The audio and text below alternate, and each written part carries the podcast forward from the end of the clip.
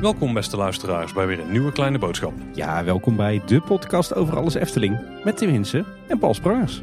Hey Tim, dit is aflevering 270 en dit is Warempel een nieuwsaflevering. Ja, dat stond eigenlijk niet op de planning, hè, Paul. Nee, maar ja, er gebeurde van de week iets afgelopen week. Er was namelijk groot nieuws en dan kunnen we het toch niet laten liggen om, uh, nou, om een extra nieuwsaflevering voor jullie op te nemen. Nee, inderdaad. Nou is het natuurlijk wel zo dat er maar één weekje tussen zat. Dus normaal gesproken zouden we nu ook gewoon een nieuwsaflevering uitbrengen. Eh, maar we waren een beetje aan het puzzelen met onze planning, met vakanties die eraan zitten te komen. En we willen daar een lekkere flow in hebben en een mooie structuur. Licht autistisch als we misschien wel of niet zijn. Eh, maar we hebben nu toch uh, last minute inderdaad alles op de schop gegooid. Want ja, we kunnen er natuurlijk niet onderuit om het Efteling Grand Hotel uitgebreid te bespreken. Ja, nu we het er toch over hebben. De semi-oplettende luisteraar heeft vast wel opgemerkt dat wij een soort structuur hebben. Ene week een nieuwsaflevering, dan een onderwerpaflevering of een interview. Dan weer een nieuwsaflevering, et cetera. Dus om de, om de twee weken een nieuwsaflevering. Dat is natuurlijk een zachte afspraak die we zelf hebben gemaakt. Dat is gewoon eh, vooral voor ons voor de structuur heel fijn.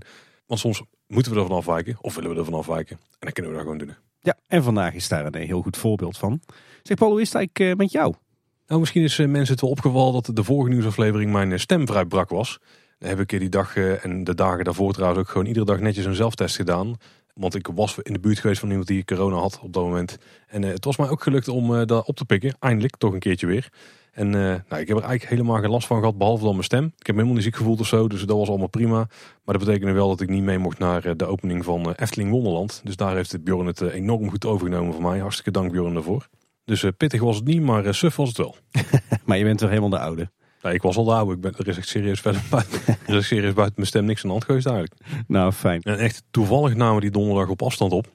Omdat het bij jou thuis wat uh, ja, vergelijkbare virussen heerste. Dus we zaten toen gelukkig niet bij elkaar. Anders had ik jou nou, toch wel vrij zeker aangestoken. Daar was ik achteraf wel heel blij om. Dat was heel slim, ja. Ja, ik moet zeggen, bij ons is ook iedereen weer beter. Uh, de kids die, die waren ziek en uh, Anne die was ziek. En de een had wel corona en de ander niet. En zo staken ze elkaar allemaal aan. Dus we hebben twee weken thuis uh, in, uh, in de ziekenboeg gezeten. En uh, nou ja, dan kan je niet naar kantoor. Dus dan denk ik, dan werk ik die twee weken wel vanuit thuis. Maar vervolgens staat ook anderhalve week zonder internet thuis. Dus oh, ja.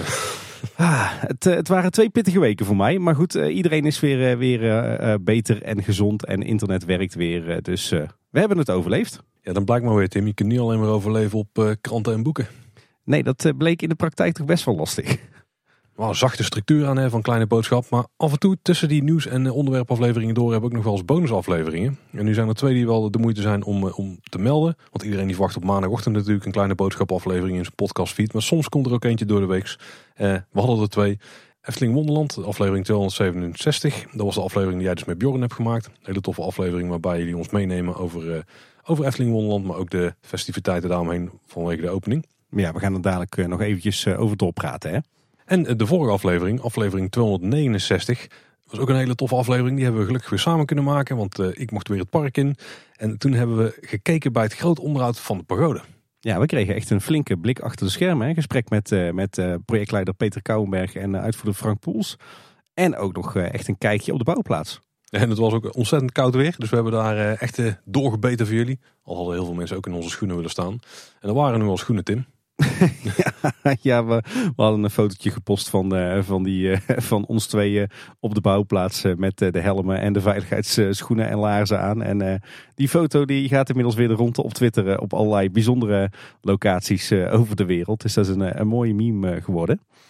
Ik moet trouwens wel zeggen, als ik terugdenk aan die aflevering. Uh, we hebben natuurlijk de afgelopen maanden en jaren aardig wat, uh, wat Efteling-liefhebbers gehad. Ja, die toch een beetje begonnen te mopperen van wat verdwijnen er toch veel attracties uit de Eftelingen. Hè? De, eh, Bob, uh, Marina, het, Doolhof. En zo nu en dan werd er wel eens bij verzucht van, nou, de Efteling die, die zorgt ook niet goed voor haar attracties. En ik denk dat de aflevering over het groot onderhoud aan de pagode een mooi tegengeluid laat horen eigenlijk. Want ja, dan hoor je Peter toch vertellen dat uh, Intermin, de bouwer van de attractie, eigenlijk na 30 jaar uh, zijn handen ervan aftrekt en zegt: uh, Wij doen hier niks meer aan, breken maar af en koop maar een nieuwe. En in geval van de pagode heeft de Efteling echt zelf gezegd: Dan knappen wij het wel zelf op, want we willen de pagode echt niet kwijt. En vervolgens hebben ze uiteindelijk 2,5 miljoen euro geïnvesteerd in ja, eigenlijk een enorme onderhoudsbeurt om de pagode weer flink wat jaartjes door te kunnen laten draaien. Dus ik denk dat, uh, dat die aflevering uh, mooi laat zien dat de Efteling wel degelijk uh, goed de afweging maakt. En als het even kan, heel goed zorg draagt voor haar oudere attracties. Nou, dus check zeker dat in aflevering 269. Tim, dan hebben we wat follow-up. Hele belangrijke follow-up trouwens. Zegt dat wel, ja. Stiekem best een paar grote dingen. Aflevering 266 was de vorige nieuwsaflevering. Lijkt al een ver verleden. Er zitten vier afleveringen tussen. Ja, ik zat me wel te bedenken. Ik denk dat wij deze zomer details gaan inhalen qua aantal afleveringen. Dat zou zomaar kunnen. Ja, die hebben een zomerstop ook altijd. Hè? Ja. Maar uh, de eerste is dat uh, Kate Bush niet zelf in de Efteling was. Het bleek uh, om een Kate Bush tribute band te gaan. Die heet de Cloudbusting. De Efteling was hier overigens wel van op de hoogte, want ze werden ook begeleid door een Eftelinger. En dat was niemand minder dan onze Steven. Ja. en om het te bevestigen kregen wij daar een schitterende foto van. Ja, dus geen Kate Bush in de Efteling, helaas. Of nog niet, moeten we misschien zeggen. Laten we het hopen. Hey, en dan hadden we het eh, in de vorige nieuwsaflevering natuurlijk ook over de berichtgeving rond de sluiting van de Mini Efteling. En dat er eh, twee mensen uit het, eh, het team van de Mini Efteling inmiddels in de pretparkwereld werken. Eentje bij Disney, natuurlijk Michel en Dulk. En eentje bij Toverland. Wij vroegen ons af wie ze bedoelden. Wij dachten, is dat misschien Peter van Holstein? Maar het blijkt Rick van Riel te zijn. Ah, de, de animatronic-bouwer en vormgever. En voor ons natuurlijk een bekende naam, want die was de gast in Kleine Boodschap 119. Toen wij het hadden over animatronics in de Efteling. Dat klopt, ja. Die heeft onder andere de papegaai gebouwd, hè, die in de Port Laguna zit. Ja, dus eh, is het een toverlander? Ja. yeah. freelance inhuurtoverlander, denk ik. Hij heeft dingen in Toverland gedaan, in ieder geval. Dat is niet ontkennen. En dan het laatste stukje follow-up. Dit uh, hebben we denk ik echt enorm vaak gehoord. Onder andere van Joost en Robert en echt nog vele anderen. Maar dat ging over uh, de wasgijp-puzzel. Ja. Want uh, dat klonk nogal Brabants, vonden wij. Ja, maar precies. wasgijp blijkt een, een Brits merk te zijn. Want het is namelijk gewoon jigsaw, maar dan omgedraaid. Wat toevallig in het Brabants enorm lekker uitkomt. Ja. Het idee van die puzzels is dat je dus niet het plaatje legt wat je ook ziet op de doos. Maar dat je juist hetgene gaat leggen waar de figuren op de doos in het plaatje naar kijken. Of het kan juist de gebeurtenis zijn net voor of na het plaatje. En van wat onze luisteraars dus begrepen die ons hierover hebben ingelicht. Is dat het in het geval van de Efteling puzzel gaan uh, om het effect van een betovering. Dus, dus die tovert iets en die betovering die zie je dus. Kijk, dat ik dit niet snapte, dat, uh, dat verbaast me niet. Maar dat jij dit niet snapte, Paul. Jij bent toch echt uh, de man hier aan tafel van de escape rooms en de bordspellen. Maar dit zijn legpuzzels, Tim. Dat is weer net wel anders. doe ik ook wel eens, maar er zijn er misschien één of twee per jaar. Dus ik zit daar niet zo diep in. Kijk, we zijn weer heel wat wijzer geworden. Dat absoluut. Hey, dan door naar de hoofdonderwerpen. Ja, dan kunnen we denk ik maar gewoon met één ding beginnen, Tim. Ja, vrouw Holle. Zeker, die is weer... Uh... Oh nee, wacht, zullen we eens naar een ander onderwerp gaan? De Efteling heeft natuurlijk eh, aangekondigd dat ze een hotel gingen bouwen eerder dit jaar. Maar we hebben nu ook concept art gekregen en een naam. Het Efteling Grand Hotel komt eraan, Tim.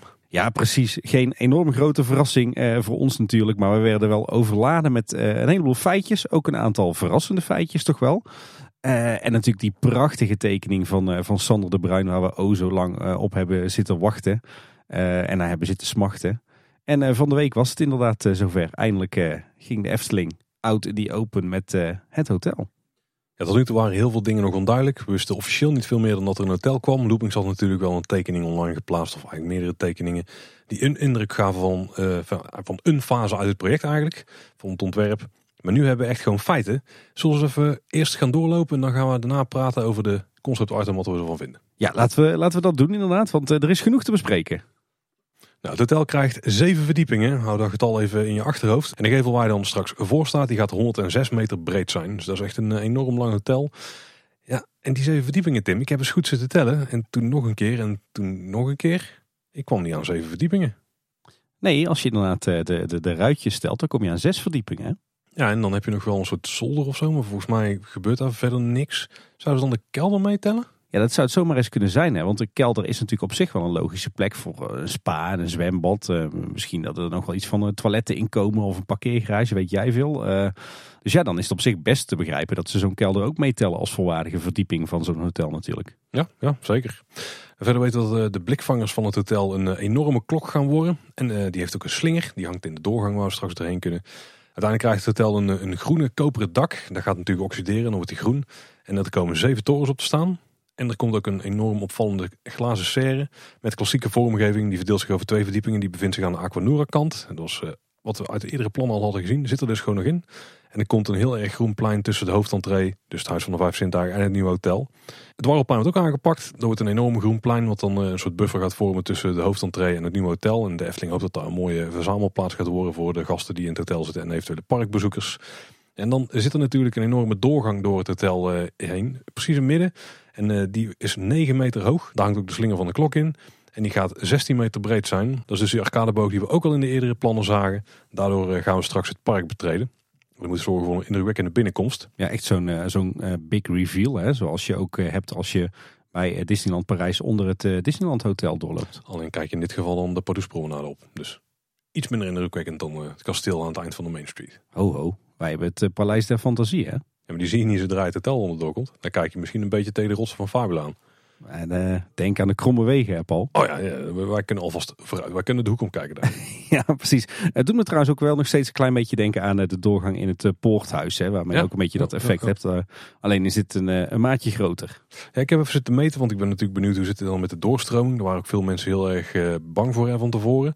Maar de oude Pardoespromenade, dus de, de, originele zeg maar, het beginstuk daarvan. Dus voor die werd verlegd, die is 11 meter breed. Dus dit is nog 5 meter breder dan de Pardoespromenade. En daar staan dan ook nog ja, die uh, wonderwachters op die het vrij hard blokkeren op sommige plekken. Je hebt nu wel een paar pilaren, maar volgens mij uh, voor de doorstroming heb je daar weinig last van. Dus beter dan die brede voeters van die wonderwachters. Dus ik denk een, een goede doorgang waar ze zeker wel, ja, als het heel makkelijk uitrekenen, een ja, miljoen of zeven bezoekers toch wel mee kunnen binnentrekken zou fijn zijn hè, als we dat aantal snel uh, kunnen bereiken. Het gaat in ieder geval niet de bottleneck worden. Dat is uh, een fijne gedachte. Nee, daar lijkt het niet op. De bouw van het hotel die start uh, pas na de zomer. Dus ze hebben nog best wel wat maanden nodig om alle voorbereidende werkzaamheden af te ronden. En ja, wat blijkt inderdaad, Sander de Bruin is hoofdontwerper van het hotel. Tim, en de stijl van het, van het hotel, daar gaan we het daar nog over hebben. Maar ik denk dat je wel kunt zeggen dat het iets te maken heeft met ja, Jugendstil. Dus volgens mij heb jij nog een taart beloofd aan de ontwerpafdeling. ja. Maar weet je wat Sander de Bruin dacht? Die dacht, nou dan kunnen we nog wel een schepje bovenop doen. Misschien moet een dubbele taart. Want de ontwerpafdeling heeft namelijk een bepaalde gebiedsvisie bij eh, het hotel en alles wat er omheen gebeurt. En ze hebben zich daar laten inspireren, Tim, door onder andere elementen uit het park en Scandinavische havensteden. Wow, Ken ik nou iemand die daar uh, gruwelijk fan van is of niet? Die daar heel blij van wordt. Ja, ik inderdaad. En Sander zegt verder dat het hotel qua ontwerp past bij de karakteristieke gebouwen in Efteling, maar door de vorm en de functie een geheel eigen karakter krijgt. Ja, en ik werd natuurlijk enorm getriggerd door het feit dat uh, Sander schreef dat hij is geïnspireerd door uh, Scandinavische havensteden. Vroeg me wel een beetje af uh, hoe dat, dat nou precies zat. maar vandaag stond er een artikel in het Brabants Dagblad over het Efteling Grand Hotel. En daarin geeft Sander net wat meer duiding eraan. Ehm, hij zegt daar namelijk, de ligging van het Efteling Grand Hotel tussen bos en water leent zich goed voor invloeden van architectuur uit Scandinavië. In Scandinavië kom je die combinatie vaak tegen in het landschap. Ook veel sprookjes vinden hun oorsprong in bijvoorbeeld Zweden en Denemarken.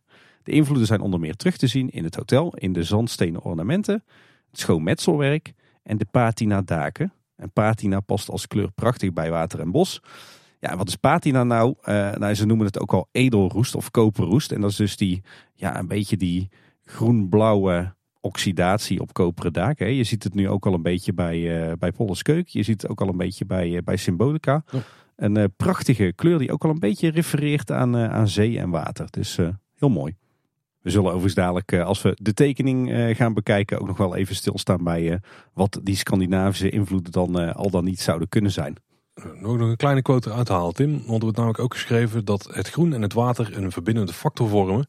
En nu komt hij. Hotelgasten, maar ook bezoekers van het attractiepark kunnen straks van vroeg tot laat de wonderlijke omgeving van deze nieuwe pleisterplaats ontdekken. En daar gaat dan over het Dwarrelpleingebied, of tenminste het gebied om het hotel heen. Ja, jij zegt dat wel, maar wat ik hieruit lees is dat dus inderdaad het gebied tussen het Huis van de Vijf Zintuigen en het Efteling Grand Hotel.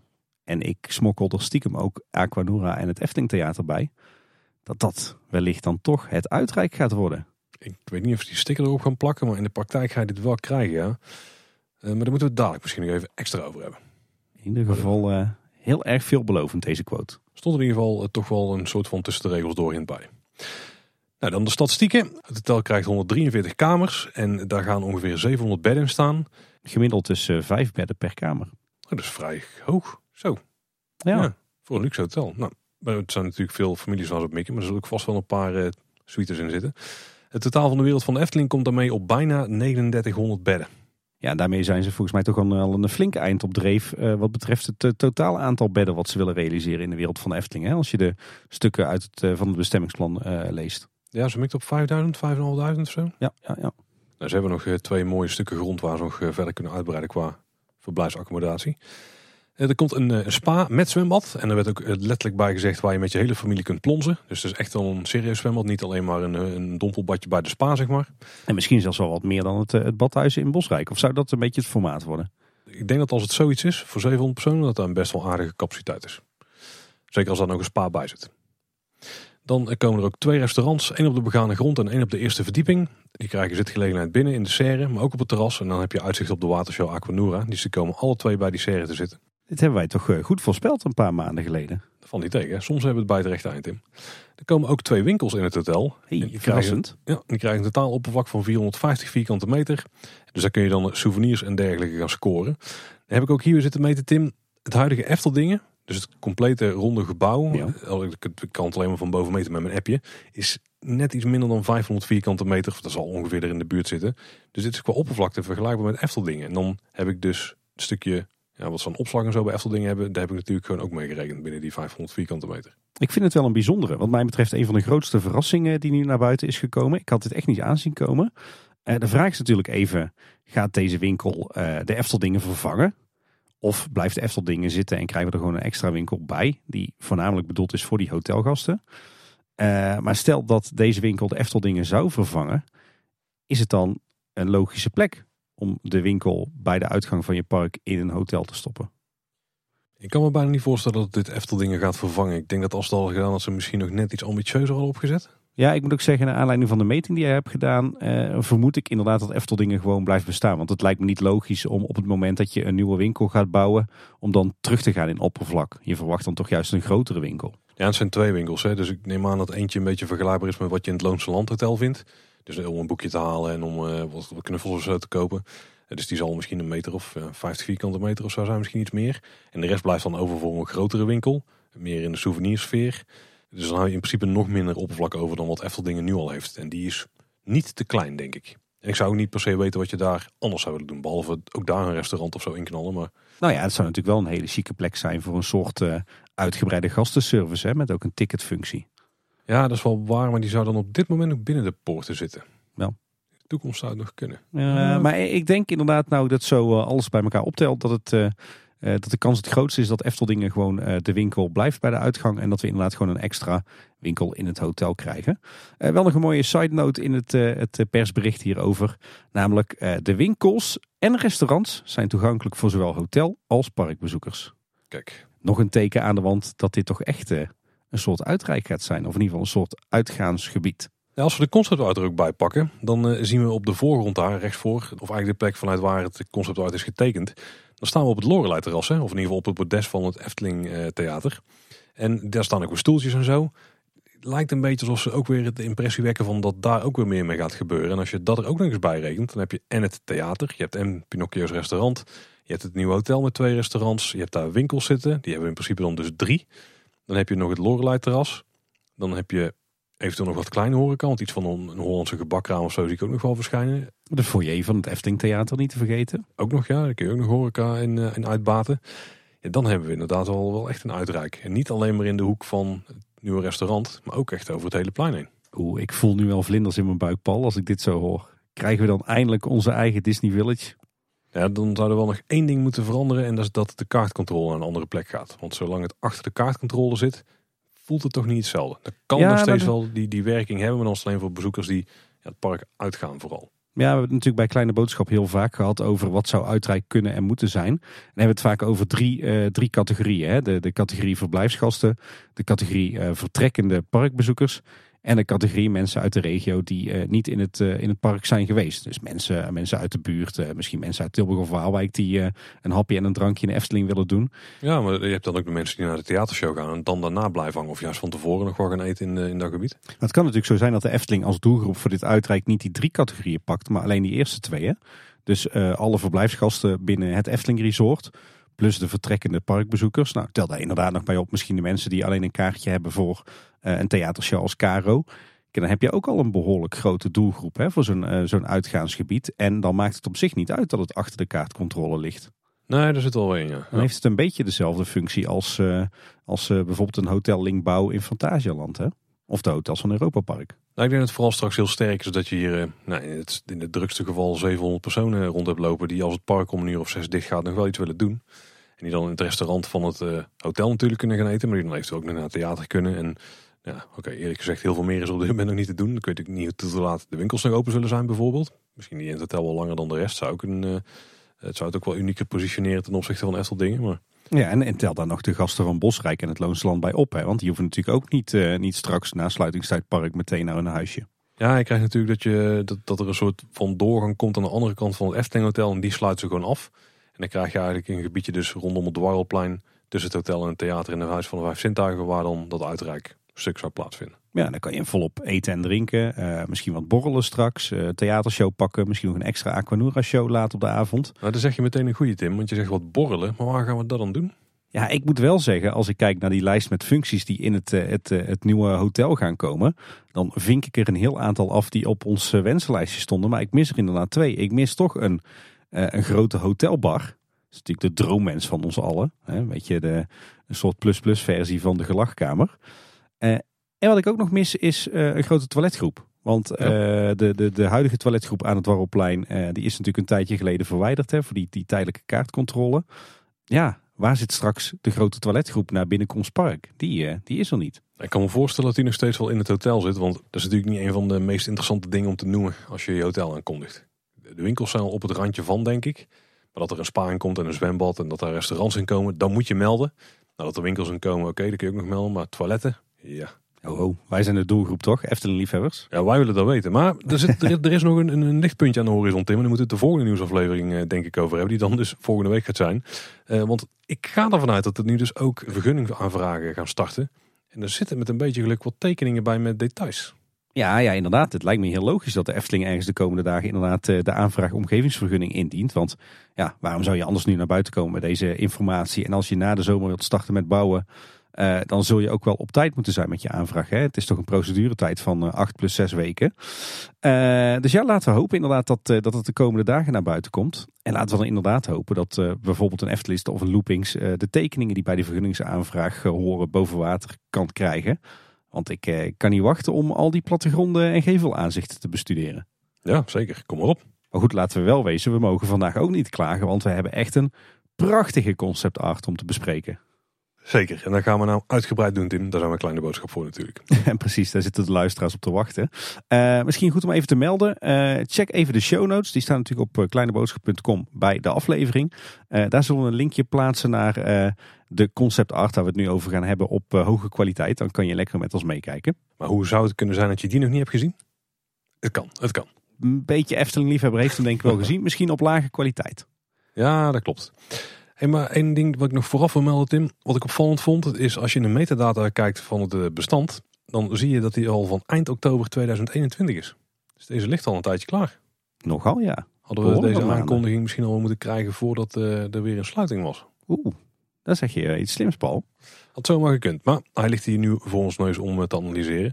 Misschien even grof de opzet van de concept art. We staan dus op het Lorelei terras en we kijken richting het hotel. Dat ligt duidelijk in het midden en we zien links nog het huis van de vijf zintuigen.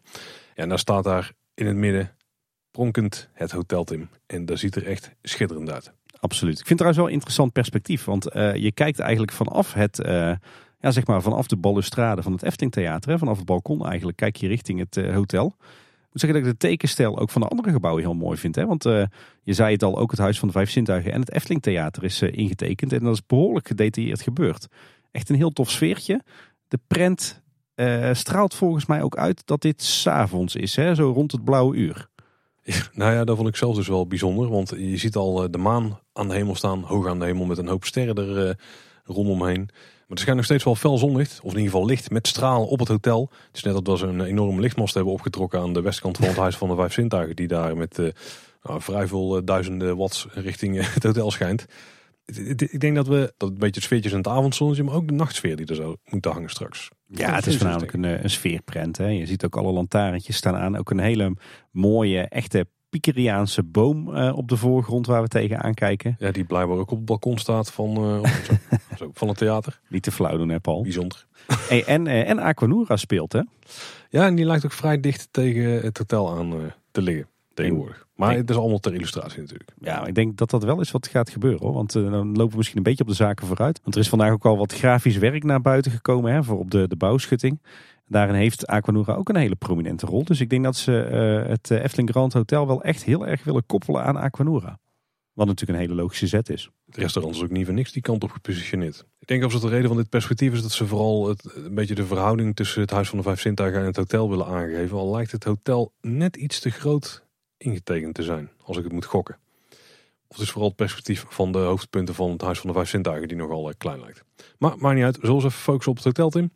Ja, daar zijn we al de hele aflevering mee bezig, Paul. Het heeft namelijk op de hoofdlijn nog steeds wel iets weg van de tekeningen die we bij Loopings hebben gezien. Maar op belangrijke details is het echt wel anders.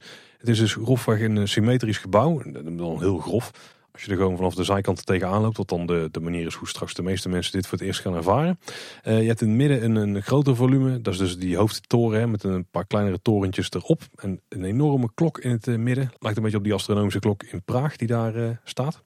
Nou, daaronder heb je dus die arcadebogen met de, de slinger die onderaan die klok hangt. Dat stuk is uitgevoerd in, nou, lijkt een beetje het klassieke Estlingse stukwerk eigenlijk. Ja, ik zie al wat, wat, wat, van die zandsteen elementen waar ze het over hebben. Inderdaad, stukwerk, ook al wat wat doorpiepende uh, grote blokken metselwerk of blokken zandsteen. Ja, die zitten onderin inderdaad. Ja. En vanuit het midden lopen dus aan twee kanten ja, de, de, de vleugels weg van het gebouw. Die hebben ieder ook van die uh, klokgeveltjes erin zitten. Met erin, ja, uh, ja daar, zitten wel bijzondere ramen in. Lijkt wel glas- en loodachtige ramen. Ja, met je rozetramen hè. Ik ben benieuwd of dat je dus dadelijk hotelkamers hebt of suites waar je dus ja, echt zo'n enorm rozetraam hebt waarmee je het uh, dwarrelplein op kan kijken. Ja, dat moet wel. Dit is een van de zes verdiepingen, of ja, denk ik vijf verdiepingen waar dan kamers in zitten. Ik vind dat de hele benedenverdieping geen kamers zal hebben, maar vooral faciliteiten. Dus dat, dat moet dan wel. En dan hebben we aan de beide uiteinden hebben we aan de, de linkerkant, zeg maar, dus richting de parkeerplaats, uh, hebben we ja, drie torens staan.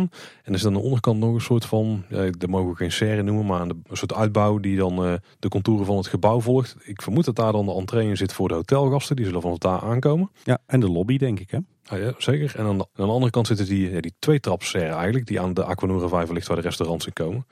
En uh, nou, de vleugels die zijn ieder opgetrokken uit een wat meer ja, rood bruin kleurige baksteen. Ja, ja. En als we dan de, de torens aan de buitenkant te zien, die zijn ook weer met dat uh, volgens mij grove stukwerk. Hier moeten we een beetje gissen want dan wordt het niet super duidelijk uit de tekeningen. En aan de onderkant zit er ook weer van die uh, grove, ja, ze zijn niet echt bakstenen, maar bouwblokken. Ja, echt van die, van die bijna van die natuursteen elementen, hè? of zandsteen elementen. Van die uh, flinke blokken. Ja, en heel veel glas, Tim. Ja, geweldig. En uh, ik kan me al helemaal voorstellen dat dit natuurlijk geen blank glas is zoals we dat uh, heden ten dagen kennen. Maar dit zal een glas zijn met een, uh, een kleurtje en een structuurtje waardoor het er wat, wat ouderwets uitziet. Die serres aan de Aquanura-zijde, die, die doen me ook echt denken aan zo'n typische botanische tuin van rond 1900. Hè. Een beetje dat, dat wereldtentoonstelling Crystal Palace gevoel. Ja, en ik, wat ik ook ontzettend tof vind zijn de daken. Hè. Inderdaad allemaal opgetrokken voor zover wij kunnen zien uit, uit koper wat, wat is geoxideerd. Een beetje dat blauw-groene kleurtje. Die daken die lopen over het algemeen spits toe met er bovenop enorme pironnen. Maar ook het hoofddak is prachtig gedecoreerd hè, met zo'n zo'n schattig hekwerkje als het ware bovenop. Ook heel veel spitsen. En, en zeker het hoofddak van het, zeg maar het, gebouwvolume in het midden waardoor je het park betreedt. Ja, daar staat ook weer een balustrade op. En daar staan vervolgens weer dakopbouwtjes op. Met ook weer dakjes en spitsen. En het is prachtig gedetailleerd. En volgens mij zijn al die spitsen ook van bladgoud. Tenminste, als ik de tekening mag geloven. En de, de glimmende highlights die ze erop hebben getekend. En ook nog wel een paar toffe details zijn bijvoorbeeld de raampjes die in de daken zitten. Dat bedoel ik dus uh, in de, de torendaken. Ja, echt van die dakkapelletjes hè? Ja, met van die uh, ronde raampjes. En erop weer individuele spitsjes of pironnetjes. En je hebt ook van die decoratieve torentjes. Die zitten een beetje op de hoeken van, de, van het hoofdvolume, zeg maar, van het blok in het midden. En er zit ook weer glas- en loodramen in zo te zien. En wat me vooral opvalt, Tim, en dan hebben we vooral die tekeningen in ons hoofd die we al eerder kennen, is dat die enorme gouden decoratieve krullen, die lijken er allemaal af te zijn. Ja, ik vind sowieso als je deze tekening naast die tekeningen legt die uh, een tijd geleden zijn uitgelekt uh, bij Loopings, dan vind ik dit gebouw vele malen subtieler en stijlvoller en smaakvoller hoor. Ja, zeker. Ja. Heeft... Je ziet wel duidelijk dat, hè, want er werd ook gezegd van ah, die tekeningen die waren uitgelekt, dat was onzin. Maar uh, uh, absoluut niet hoor. Want je ziet heel erg duidelijk dat, dat deze tekening echt de uitgewerkte variant is en de geoptimaliseerde variant is van die tekeningen die we uh, hebben gezien op loopings. dus, dus ja, weet je, dit is gewoon hoe een ontwerptraject in elkaar zit. Hè. Je begint heel erg grof en, en je, je werkt het steeds verder uit. Je maakt het steeds verfijnder, je maakt steeds meer keuzes. En dat is ook heel duidelijk te zien in deze prent. Hè. Dit is echt wel de, de vervolmaakte versie van de tekeningen die we eerder hebben gezien. Als ik moet afgaan op de tekening, dan heb je eigenlijk nergens echt saaie stukken in het ontwerp zitten, zeg maar, of te grote oppervlaktes die hetzelfde zijn. Alles wordt wel opgebroken door uh, extra pilaren. Het lijkt ook een balustrade te zijn, uh, die in de, de vleugels, zeg maar, op de ongeveer de vierde verdieping, die het ook weer mooi opbreekt. En dan die torens aan de buitenkant en vooral die, die grote, het grote blok in het midden. Ja, dit ziet er echt heel tof uit hoor. Ik, ik denk dat dit een hele toffe entree gaat worden straks tot het park. Ja. En het heeft misschien ook wel meer overeenkomsten met Ravelijn dan ik van tevoren had verwacht qua uitvoer. Maar dat komt ook omdat we nu dus zien wat de materialisering een beetje gaat zijn. Ja, dat. En ik moet zeggen dat ik die middelste toren, waardoor je straks het park betreedt, dat ik die ook wel, wel wat gelijkenissen vind vertonen qua vorm met de, de grote toren bij Ravelijn. Hoor. Ja, zeker. Ja. ja, jij zegt dat het is zeker geen saai gebouw. Maar ik moet zeggen, als je het vergelijkt met iedere tekeningen, dan, dan vind ik dit wel uh, een verfijnder ontwerp. Dus alle, alle kitsch, alle rommel is er vanaf. Het is echt wel heel stijlvol. Het is ook een heel symmetrisch gebouw. En het is ook gewoon heel basic, hè? Uh, dus, dus echt wat, wat, wat mij betreft ook heel erg past bij wat echt Eftelings is. Uh, het hoeft niet altijd over de top te zijn en Europa Park Kitsch. Nee, het is heel erg ingetogen, bazaal, terug naar de basis. En uh, ja, dat is ook gewoon heel mooi. Iets anders wat me trouwens ook heel erg opvalt in deze concept art is dat het, het nieuwe hotel echt helemaal ingeplant staat in heel veel groen. Het is allemaal nog niet heel erg gedetailleerd uitgewerkt, maar ja, het, ligt echt helemaal in een groen gebied. En ik zie ook mooie nieuwe lantaarnpaaltjes op het ja, wat nu nog het Warrelplein is staan. Nou zeker, en die vormen ook een soort van pad richting het Huis van de Vijf Zintuigen. En die lijkt inderdaad om Efteldingen heen te krullen. Dus dat je eigenlijk als je het dadelijk de kaartcontrole doorgaat, dat je dan rechts om Efteldingen heen zou moeten lopen om richting het park te gaan. Dus langs het theater. Maar die, die lantaarns die zijn inderdaad wel tof. Ja, dit is echt uh, volop Jugendstil. Hè? Ze zouden zo in, uh, in Hartje Parijs kunnen staan. Eigenlijk is het een soort van mast bij een bloemkelken die zo uh, omkrullen en naar beneden hangen waar dan de lampen aan hangen. Ja, ze hebben ook wel wat weg van de, de lantaarnpaaltjes die je vindt rondom Droomvlucht, hè? Ja, nou, Droomvluchtstijl heeft het zeker, ja. Ja, en krullen, bloemmotieven. Nou, dat is natuurlijk Jugendstil, hè? dus dat past, uh, past perfect. En als we ook nog wat naar de details gaan kijken van het Dwarrelplein, dan zie ik ook nog een fontein op het Dwarrelplein, op een plek waar nu nog absoluut geen water ligt. Ik gok dat het zelfs ongeveer de plek is van de halve cirkel, hè? ons wel bekend. Maar verder moet ik zeggen dat het Dwarrelplein wel heel erg... Uh, ja, rudimentair is ingetekend. Kunnen er buiten de lantaarns en dat ene fonteinstraaltje en, en wat groene vlekken nog niet zo heel veel van afleiden. Nee. Paul, we hebben deze conceptart ook nog even langs de tekeningen gelegd uh, die uh, vorig jaar zijn uitgelekt via Loopings. Om te kijken wat zijn nou echte verschillen. En een aantal hebben we natuurlijk al genoemd. Hè. Die, die, die vreemde gouden krullen die op de voorgevel zaten geplakt, die zijn gelukkig weg. Ik moet zeggen, deze versie van het ontwerp heeft veel meer kleur. Met name de toevoeging van, ja, een beetje dat, wat is het? Donkerroze, roodbruinige in die beide vleugels. Dat, uh, daarmee krijgt het gebouw echt wel meer kleur. Want de, de vorige versie van het ontwerp was echt veel meer richting het witte. Nou ja, die, die enorm lange balustrade op de vierde verdieping, of die balkonnetjes, uh, die is nieuw. Die zat in het vorige ontwerp. Die rozetraampjes die zijn toegevoegd. Die klokgeveltjes in die, die beide zijgevels die zijn nieuw. de pironnen die zien er anders uit. het voelt allemaal veel meer Eftelings. En ook nog wat andere kleine details. De, de torens hebben een andere vorm. Uh, in het vorige ontwerp uh, liepen die uh, spits toe, zeg maar naar boven toe. En nu staan ze wat meer bol. wat ook nog opvalt is dat het, het schuine dak van de beide zijvleugels van het hotel in dit ontwerp pas op de bovenste verdieping begint. Dat was in de vorige versie begon die al wat lager. En dat al het metaalwerk, met name van die, die serres waar de restaurants in gaan komen, dat die in het eh, huidige ontwerp eh, ja, een beetje piekblauw zijn voor mijn gevoel. Terwijl ze in de vorige versie zwart waren. Dus ja, wat mij betreft echt allemaal wel vervolmakingen van het eh, ontwerp van Efteling Grand Hotel. Ja, wel cool. Heel veel details zijn dus ontdekt door Martijn Mostert. Dat het ontwerp wat op Loopings was gelekt, uitgewerkt in Planet Coaster. En die heeft nu een update gedaan. Waardoor hij dus al die details heeft moeten nagaan. Ja, heel tof. Martijn die stuurde ons ook mooi een, een lijstje met, met alle verschillen. Zeg Paul, ik ben eh, zoals gezegd eh, heel erg getriggerd door uh, die opmerking van Sander dat uh, er heel veel Scandinavische invloeden zijn. Ik... Verrassend. ja, precies. Als echte Scandinavië-ganger en liefhebber. Ik ben toch eens even gaan kijken van, joh, wat doet me dit nou, nou aan denken? Ik moet zeggen, deze bouwstijl die zie je bijvoorbeeld in Stockholm veel terug. bijvoorbeeld op Gamlastan, het oude, oude gedeelte van het centrum. Maar het doet mij vooral heel erg veel denken aan Vasastan. Uh, een westelijk stadsdeel wat, wat uh, relatief uh, jonger is dan, dan de binnenstad van Stockholm. stamt ook zo ongeveer uit de periode 1900 en is ook echt in uh, ja, die typisch Scandinavische richting van de Jugendstil opgetrokken. Dus uh, in die wijk vind je toch stiekem best wel wat, uh, wat gebouwen die, die hier aardig wat van weg hebben. Ik zou zeggen, google maar eens op Vazenstand Stockholm, dan kom je dat wel tegen. Het deed me ook een beetje denken aan Nuhaven. Het, het, binnenhaventje in Kopenhagen, dat ken je ook wel, Paul. Mm -hmm. En een van onze redactieleden die snorde nog wat foto's op van Grand Hotel Oslo. Qua naam komt ook in de buurt. Daar lijkt het ook heel erg, heel erg op. Ik ben ook even gaan, gaan uitzoeken van welke architectuurstijl is dit nou eigenlijk. De vorige keer hadden we een beetje de discussie van wordt dit nou Jugendstil of wordt het meer eclecticisme. Waarbij we uiteindelijk bij die laatste bouwstijl uitkwamen. Nou, je ziet toch dat, dat de hele architectuurstijl van, van dit ontwerp toch weer net even anders is dan de vorige versie.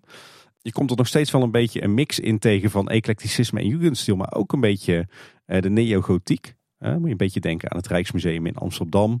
Heeft natuurlijk ook wel wat weg van het Kurhaus in Scheveningen. Alleen vind ik dit wel wat meer ingetogener, wat stijlvoller en ook wat, wat zuiverder. Maar goed, alles uh, onder elkaar gezet hebbende ben ik nog wat, wat gaan zoeken en speuren in de architectuurstijlen. En volgens mij heb ik de oplossing, Paul, van het vraagstuk welke stijl het Efteling Grand Hotel heeft. Namelijk de Nordic Art Nouveau.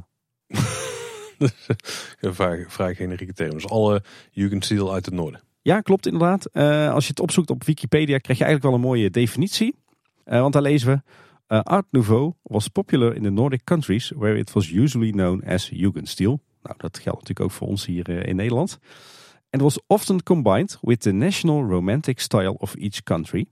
En dat is leuk, dat is weer een andere architectuurstijl, hè? De, de nationale romantische stijl. Als je gaat googlen uh, naar uh, National Romantic Style Sweden of Denmark, dan kom je ook prachtige gebouwen tegen uit uh, de noordelijke landen. En ja, dan zie je inderdaad dat het, het nieuwe Efteling Hotel een beetje die mix is van de Nordic Art Nouveau en die National Romantic Styles van de verschillende Scandinavische landen. Dus heel tof. Het zit heel, heel complex in elkaar qua ontwerpstijl. Ze hebben gewoon het beste van alles gepakt en er weer iets nieuws van gemaakt. Ja, wat willen we nou nog meer? Hè? Jugendstil, Scandinavische landen, Eftelings. De ontwerpafdeling wil meerdere taarten inmiddels. Dus, ja, dit is gewoon, dit is gewoon de, de natte droom van... Tim Hinsen. Ja. Ik moet zeggen dat het zich trouwens ook wel mooi verhoudt tussen andere uh, pretparkhotels. Hè. als je het Disneyland Hotel, het Plopsaland Hotel uit de Pannen en Hotel Kronassar naast elkaar zet, dan past daar dit hotel ook, ook weer prachtig naast. Dan denk ik zelfs dat van al die hotels, dat dit misschien nog wel het meest stijlvolle hotel is samen met het Disneyland Hotel. Ja, dat denk ik wel. Ja, ja kan trouwens ook niet anders. Hè. Plopsa in Europa Park. Nou, laten we gaan verder gaan. Misschien nog even over de naam hebben, Tim. Want de officiële naam is dus nu Efteling Grand Hotel. Ja. Ja, ik moet zeggen, ik ben, uh, ik ben uh, mega enthousiast over uh, dit plan. Dat zal niemand zijn ontgaan. het enige wat me een beetje tegen de borst stuit is de naam. Want ik vind Efteling Grand Hotel echt voor geen meter uit mijn bek komen. Voor mijn gevoel is de juiste benaming Grand Hotel Efteling. Nee, nee, nee, dat heb je helemaal verkeerd in. Het is ook niet meer Theater de Efteling. Hè? Nee, dat is de Efteling is het park en daar is een Grand Hotel bij. En het is niet een Grand Hotel met de naam Efteling. Ja, maar het klinkt toch niet? Efteling Grand Hotel? Nee, maar je zit te veel met dat enige druppeltje Franse bloed of zo, wat je misschien wel hebt of niet. Dan zet je de naam achteraan, maar het is het Grand Hotel van de Efteling. Het is niet een Grand Hotel met de naam Efteling, want dan had het Efteling achteraan staan. Ja, maar ja, we, weten toch vrij zeker dat Grand Hotel Oslo uh, een inspiratiebron is geweest. Hè, als je die, uh, die, uh, dat opzoekt. Dat zou ik niet durven zeggen. Of zou ik niet durven zeggen. nou, daar zullen ze in ieder geval naar gekeken hebben. Ja, we hebben natuurlijk het Grand Hotel Budapest. Hè, ook bekend van de, de prachtige film overigens. We krijgen in Efteling natuurlijk een Grand Circus Balancé. Dan had het ook een Grand Hotel Efteling te zijn. Nee. Oké. Okay. Definitief nee. Je zal me nog vaak, denk ik, betrappen op verspreking dan. Hey, donderdag 7 april is er een uh, schitterende bouwschutting geplaatst. Je haalde hem net al even aan. Die is in zwart-wit uitgevoerd. Er staat een silhouet op van het hotel met daarbij ook Aquanura. Een stuk bos, een beetje op de plek waar dan, dan het Huis van de Vijf Zintuigen ongeveer ligt. En aangekleed met wat Efteling figuurtjes. Hey, dat hadden wij ook voorgesteld hè? Eindelijk is die enorm groene bouwschutting onderbroken met de concept art. Geen verkeerde ontwikkeling denk ik. Ik vind het sowieso grafisch ook ontzettend fraai. Hè? Het is echt, echt die grafische stijl uh, uit de tijd van de Jugendstil, hè? die slaoliestijl. Is dat zo? Want volgens mij zijn de, de bouwborden van de Zes Zwanen vergelijkbaar. Die van Bron 1898 ook. Uh, Simbad had er ook wel van weg. Ja, het schurkt er wel tegenaan hoor. Volgens mij is Sander sowieso al erg fan van die, uh, van die stijl. En terecht natuurlijk. Op het bouwbord vind je ook een QR-code voor meer info. Die gaat een nieuwe pagina op de Efteling website. We zullen ook dat linkje in de show notes plaatsen. Of je je QR-code scanner uit de broekzak te trekken. En we zien er ook het logo en nog een klein beeldmerkje wat erbij hoort. Ja, een beetje een soort, soort schildje in een ovale vorm. En wat schetste mijn verbazing, of eigenlijk wederom mijn, mijn blijdschap. Daar zit gewoon de aloude, oeroude Efteling E in verwerkt. Zeg maar de gespiegelde 3. De klassieke Efteling E. De klassieke Efteling E, schitterend. Nou, cool. Nou, laten we voor nu even ophouden over het hotel, Tim. Volgens mij uh, is de aflevering al bijna over de helft voorbij. ja, sorry Paul. Ik ga mijn eh, enthousiasme hierover echt niet onder stoelen of banken steken hoor. Dat hoeft ook niet. We hoeven er ook uh, zeker niet voor het laatst over te hebben. En ik vermoed dat we binnenkort ook nog wel wat bouwtekeningen gezien. Of in ieder geval de plattegronden. Dan weten we nog beter hoe het in het gebied komt te liggen. Daar ben ik heel benieuwd naar. Dus als we die binnen hebben, dan zullen we het nog maar eens gaan aanhalen, denk ik. Ik zit te stuiteren op mijn stoel. Goed bezig. Nou, Efteling ook goed bezig, want het ziet er echt schitterend uit. En wij kunnen niet wachten tot het er staat. Heerlijk, zo'n groot bouwproject, zo'n groot hotel, een uitrijk, groen, water, Scandinavische stijl, Jugendstil. Paul, dit is toch gewoon subliem. En nu nog sparen voor een nachtje slapen daar. Ja, dat dan wel. Hey, de stand van zaken rondom het hotel, want er gebeurt veel meer natuurlijk in het entreegebied. Bijvoorbeeld parkeerterreinen, is het, natuurlijk het gedeelte waar het hotel straks voor een deel moet komen liggen. Op het terrein aan de korte kant, daar zijn inmiddels twee prefab units geleverd. En die lijken voor het facilitair gebouwd te zijn. Ja, ja, zoals wij van tevoren al dachten, hè, op basis van, uh, van de bouwkundige tekeningen die daarvan naar buiten waren gekomen, uh, is dat inderdaad gewoon, gewoon systeembouw. Hè? Dus dat is gewoon prefab in de fabriek uh, gebouwd. Dat wordt hier waarschijnlijk op een funderingje neergezet en aan de buitenkant nog mooi aangekleed. Maar het is gewoon een heel simpel gebouwtje eigenlijk. Hè? Er zat opvallend veel lichtkoepels op, wat natuurlijk heel slim is, want er scheelt een hoop licht wat je aan moet zetten overdag. Ja. Voor duurzaamheidsdoelen natuurlijk weer, weer slim. En het hondenkennel is nu ook definitief dicht. Dus geen hondenkennel meer bij de Efteling. Nee. Overigens, die, eh, die units voor het facilitair gebouw die zijn nu eh, even plomp verloren op het bouwterrein en eh, ingepleurd ergens in een hoekje. Uh, dus verwacht nog niet dat die al uh, zijn neergezet op de, op de definitieve plek. Ik uh, vermoed dat we ergens de komende weken de start van, van de bouw van in ieder geval de fundering van het facilitaire gebouw gaan zien. Nou, op die plek lag wel echt een enorme berg zooi en die hebben ze al opgeruimd. Dus ik denk oh. dat ze de voorbereidingen al aan het treffen zijn daar. Kijk, moet ook wel, want uh, daarna kan natuurlijk de, het gebouw weg waarin nu nog uh, de wandelwagens en de scootmobielen en de Souvenir Express zitten. Ja, zeker. Dan het Huis van de Vijf Zintuigen. De werkzaamheden van het leggen van het riet die zijn bijna gereed. Uiteindelijk is ruim een derde van het riet vervangen. En daar zie je op dit moment nog wel wat flinke kleurverschillen. Ja, had Efteling ook voor gewaarschuwd op, eh, op de blog. Hè. Dat is uh, heel duidelijk te zien wat het nieuwe riet is en wat het oude riet is. Maar uh, ja, dat trekt al bij binnen nu en een jaar, denk ik.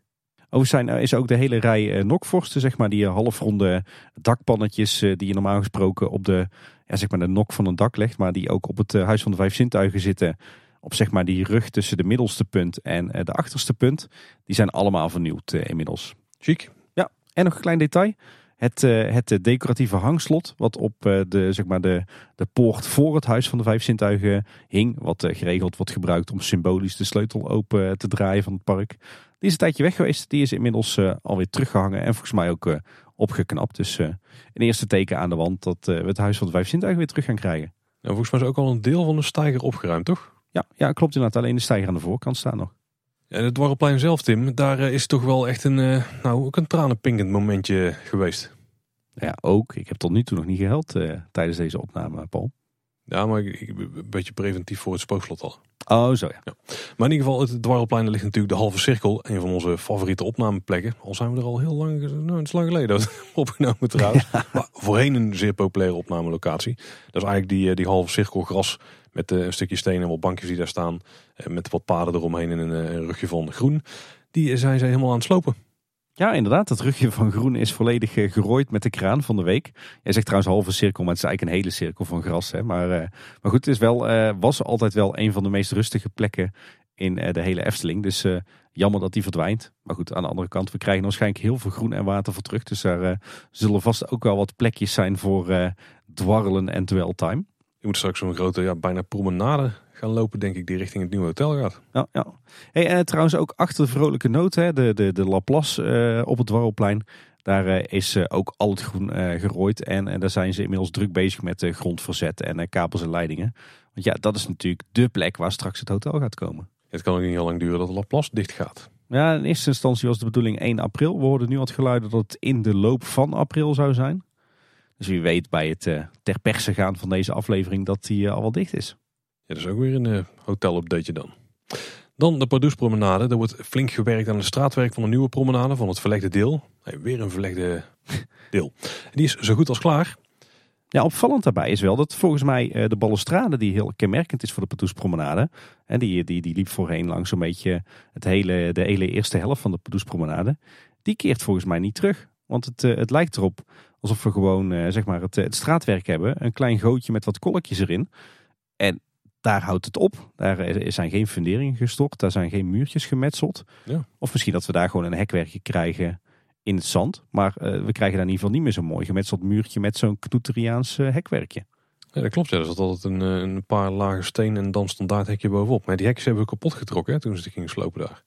Er was niet met beleid mee omgegaan dat je denkt van die gaan ze nog terugplaatsen. Nee, nee, nee. Nou, dus dat is nog even afwachten.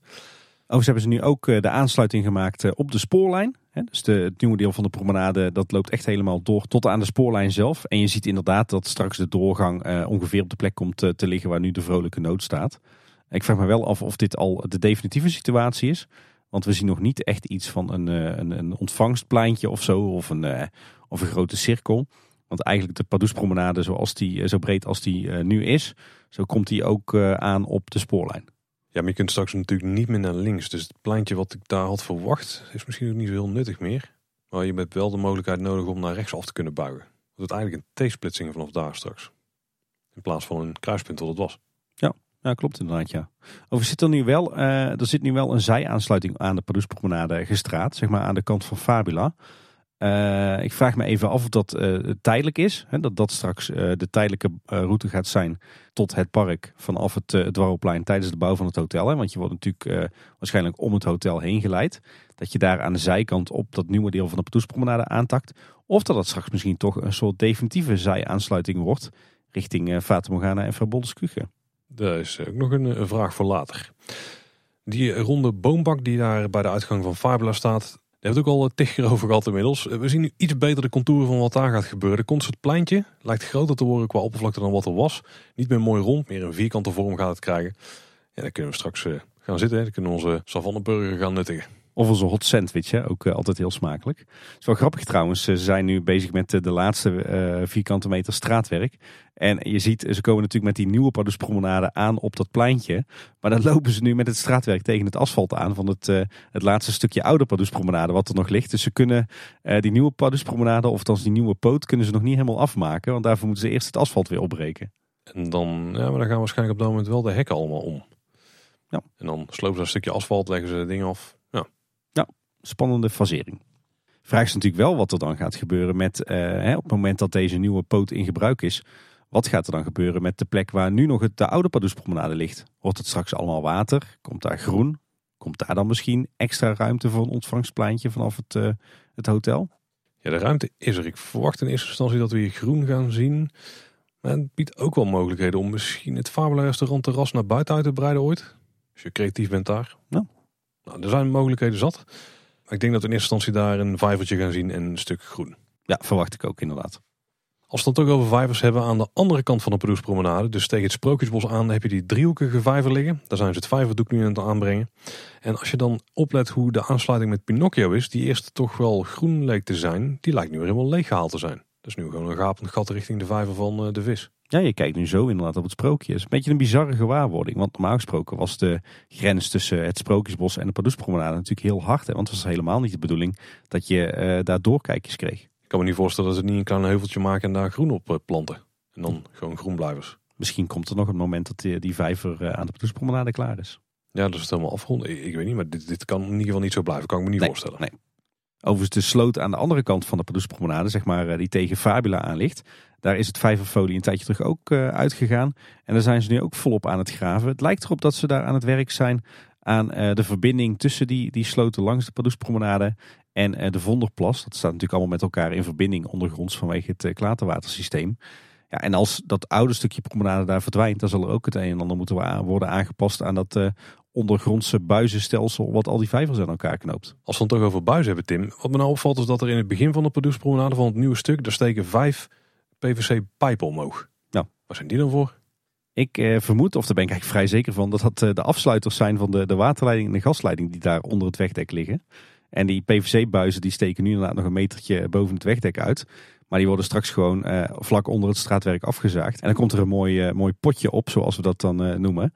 met een dekseltje. Dus dan kun je daar kan je het dekseltje eraf wippen. En daar kan je de waterleiding of de gasleiding dichtzetten als dat nodig is voor werkzaamheden. Ah, dan kun je er met zo'n lange pin in en dan kun je daarmee de leiding open of dicht draaien. Ja. Ah, oké. Geen lantaarnpalen of putjes daar in ieder geval. Dan hebben we ook nog het project waarbij de Efteling gasloos wil boren. Daar hebben we ook wat extra werkzaamheden voor gezien. Hè? Ja, inderdaad. Er werd natuurlijk al geboord achter Fabula en eh, bij de Oase op het eh, Fata Morgana plein. Maar ze zijn nu ook volop aan het eh, boren naar warmte koude bronnen. Aan een beetje de achterzijde van het Efteling Theater tegen de Fata Morgana aan. maar ook bij de Karpervijver, zeg maar de, ja, het lommerrijke groene gebied aan de achterzijde van de Piranha. Dat klinkt als een end uit de richting eigenlijk. Maar... Ja, maar ja, ze willen natuurlijk het hele Anderrijk gasloos maken. Hè? Dus ze zullen overal warmte en koude bronnen nodig hebben. Hm. Als kun je dat trouwens bij Fabula ook mooi zien. Hè? Daar eh, zijn ze nu klaar met die werkzaamheden. En je hebt daar uh, die poort naar de back of the house. En uh, recht voor die houten poort, daar steekt nou een grote, volgens mij blauwe leiding uit de grond. En dat is straks een van die bronnen waar ze koud en warm water uit gaan halen. Ah, kijk. Ja, Aquanura, daar zijn ze ook bezig. Die is natuurlijk officieel nu een onderhoud. Je hebt daar het hoekje bij de, ja, eigenlijk aan de kant van de oliebollenkraam, waar ook die poort zit. Daar zijn ze flink bezig geweest met de vooral dingen weggehaald op dit moment. De grote lichtmasten, de moving heads, die eh, liggen er allemaal in het plantsoen. Het podium van de Noora is opgebroken. De balustrades en de vlonder die zijn voor een deel verwijderd. Er wordt daar flink gewerkt. Zou hier dan toch een, een bredere doorgang komen die langs het bouwproject afloopt straks? Ja, zou kunnen. Het zou natuurlijk ook kunnen zijn dat ze hier ook eh, gaan werken voor het project gasloos. Hè? Ze gaan natuurlijk ook werken met aquathermie. Dus de, de temperatuur van het water van Aquanura wordt ook gebruikt om uh, te verwarmen of te koelen. Dus daar zou het voor kunnen zijn. Eh, het zou inderdaad ook kunnen zijn voor een tijdelijke routing uh, om het, de bouwlast van het hotel heen. Maar het zou zelfs natuurlijk ook al voorbereidingen kunnen zijn voor de bouw van het hotel. Want ja, het hotel en zeker die serres met daarin de restaurants, die komen echt tegen de Aquanura vijver aan te liggen. Ja, zeker. Zou er nog dichterbij komen liggen dan de rand die we nu al hadden, denk ik. Zou kunnen. En, maar sowieso, als dat het geval is, dan moet de tijdelijke route om, het, om de bouwplaats heen moet natuurlijk ook over de Aquanura of door de Aquanura vijver komen te liggen. Ja, dan komt die route dus nog verder de Aquanura vijver in te liggen. Ja. Wordt spectaculair als hij aangaat. Ja. En dan uh, aan het eind van de Pedoespromenade hebben we natuurlijk de nieuwe Sprookjesbos ingang. En de vorige keer voorspelden we het al, die is in gebruik genomen inmiddels. Jazeker, de soldatenpoort op uh, de nieuwe plek. En met het verdwijnen van de originele poort, die dan dichter bij uh, de spoorwegovergang lag, is natuurlijk ook die afsnijroute verdwenen. Ik moet zeggen, er is nog steeds wel een soort van afsnijmogelijkheid nu. Want het is toch wel iets sneller als je zo door het Sprookjesbos heen loopt. Om uh, eigenlijk heel de, ja, heel de route rondom Polles Keuken af te snijden. Dus ik had toch wel stiekem een minuut of twee, drie. Ja, zeker. Ik heb het toevallig eh, gisteren ook met mijn eh, jongste dochter even uitgeprobeerd. En het, het is een stuk gerichter dan inderdaad helemaal omlopen via het Harthof en Bolleskeuken. En een voordeel, je moet nu als je hem afsnijdt, kom je voortaan langs door een roosje in het Kabouterdorp. Terwijl dat natuurlijk het stukje Sprookjesbos was wat je voorheen vrijwel altijd oversloeg als je bij het Dwarrelplein het Sprookjesbos binnenliep. Ook zeker waar, ja. Nou, in ieder geval alle werkzaamheden daar die zijn klaar. Eh, denken we, misschien nog een enkel restpuntje. ja, er is nog één belangrijk restpuntje. Ja, daar komen we zo op. Hè. Al het straatwerk is uh, daar gereed. is overigens ook allemaal betegeld. Niet alleen het pad richting het Sprookjesbos, maar ook uh, ja, de dioramalanen. Dus die, die afsnijroute voor het personeel. Ja. Overigens was die, eh, die dioramalaan, dat was natuurlijk altijd een, eh, een, een, diestroute die ook geschikt was voor eh, het wat zwaarder verkeer. Dat was natuurlijk een, een flink, flink breed pad van asfalt. We weten dat daar ook de bevoorrading over ging en de voertuigen van de hulpdiensten. Maar dat nieuwe stukje wat eigenlijk aantakt op die, die nieuwe ingang van het Sprookjesbos, dat is eigenlijk maar heel smal en gemaakt van, van klinkertjes. Dus ik vermoed dat het die functie wel heeft verloren. Misschien dat het hooguit dan nog een dienstpad is voor medewerkers die te voet zijn. Ja, ik had eigenlijk verwacht dat hier wel een asfaltpad zou komen. Dat het ook meer eruit ziet als een pad waar je niet overheen moet. Ja, ja. Nou, misschien krijgen we hier nog wat, eh, wat paaltjes met een touwtje of zo. Nou, de poorten die hangen dus ook in die uh, staanders die daar zijn gemaakt. Het zijn waarschijnlijk gewoon de poorten die ze eerder hadden bij de oude ingang daar, richting het Sprookjesbos. Ja, best wel verrassend. Ik had hier eigenlijk een, een dichte oude poort wel verwacht. Ook weer om te voorkomen dat je echt vanuit de Pardoespromenade uh, recht het Sprookjesbos in kijkt. Zeker ook voor uh, openingstijd. Ja, er zit natuurlijk wel een aardige slinger in. Je kijkt niet zo rechtstreeks op... Uh, je krijgt zelfs nog meer vanuit het spookslot voorplein op Langnek... dan dat je vanuit daar iets van het Sprookjesbos mee krijgt. Ja, dat is waar. Het is best een goede slinger geworden daar.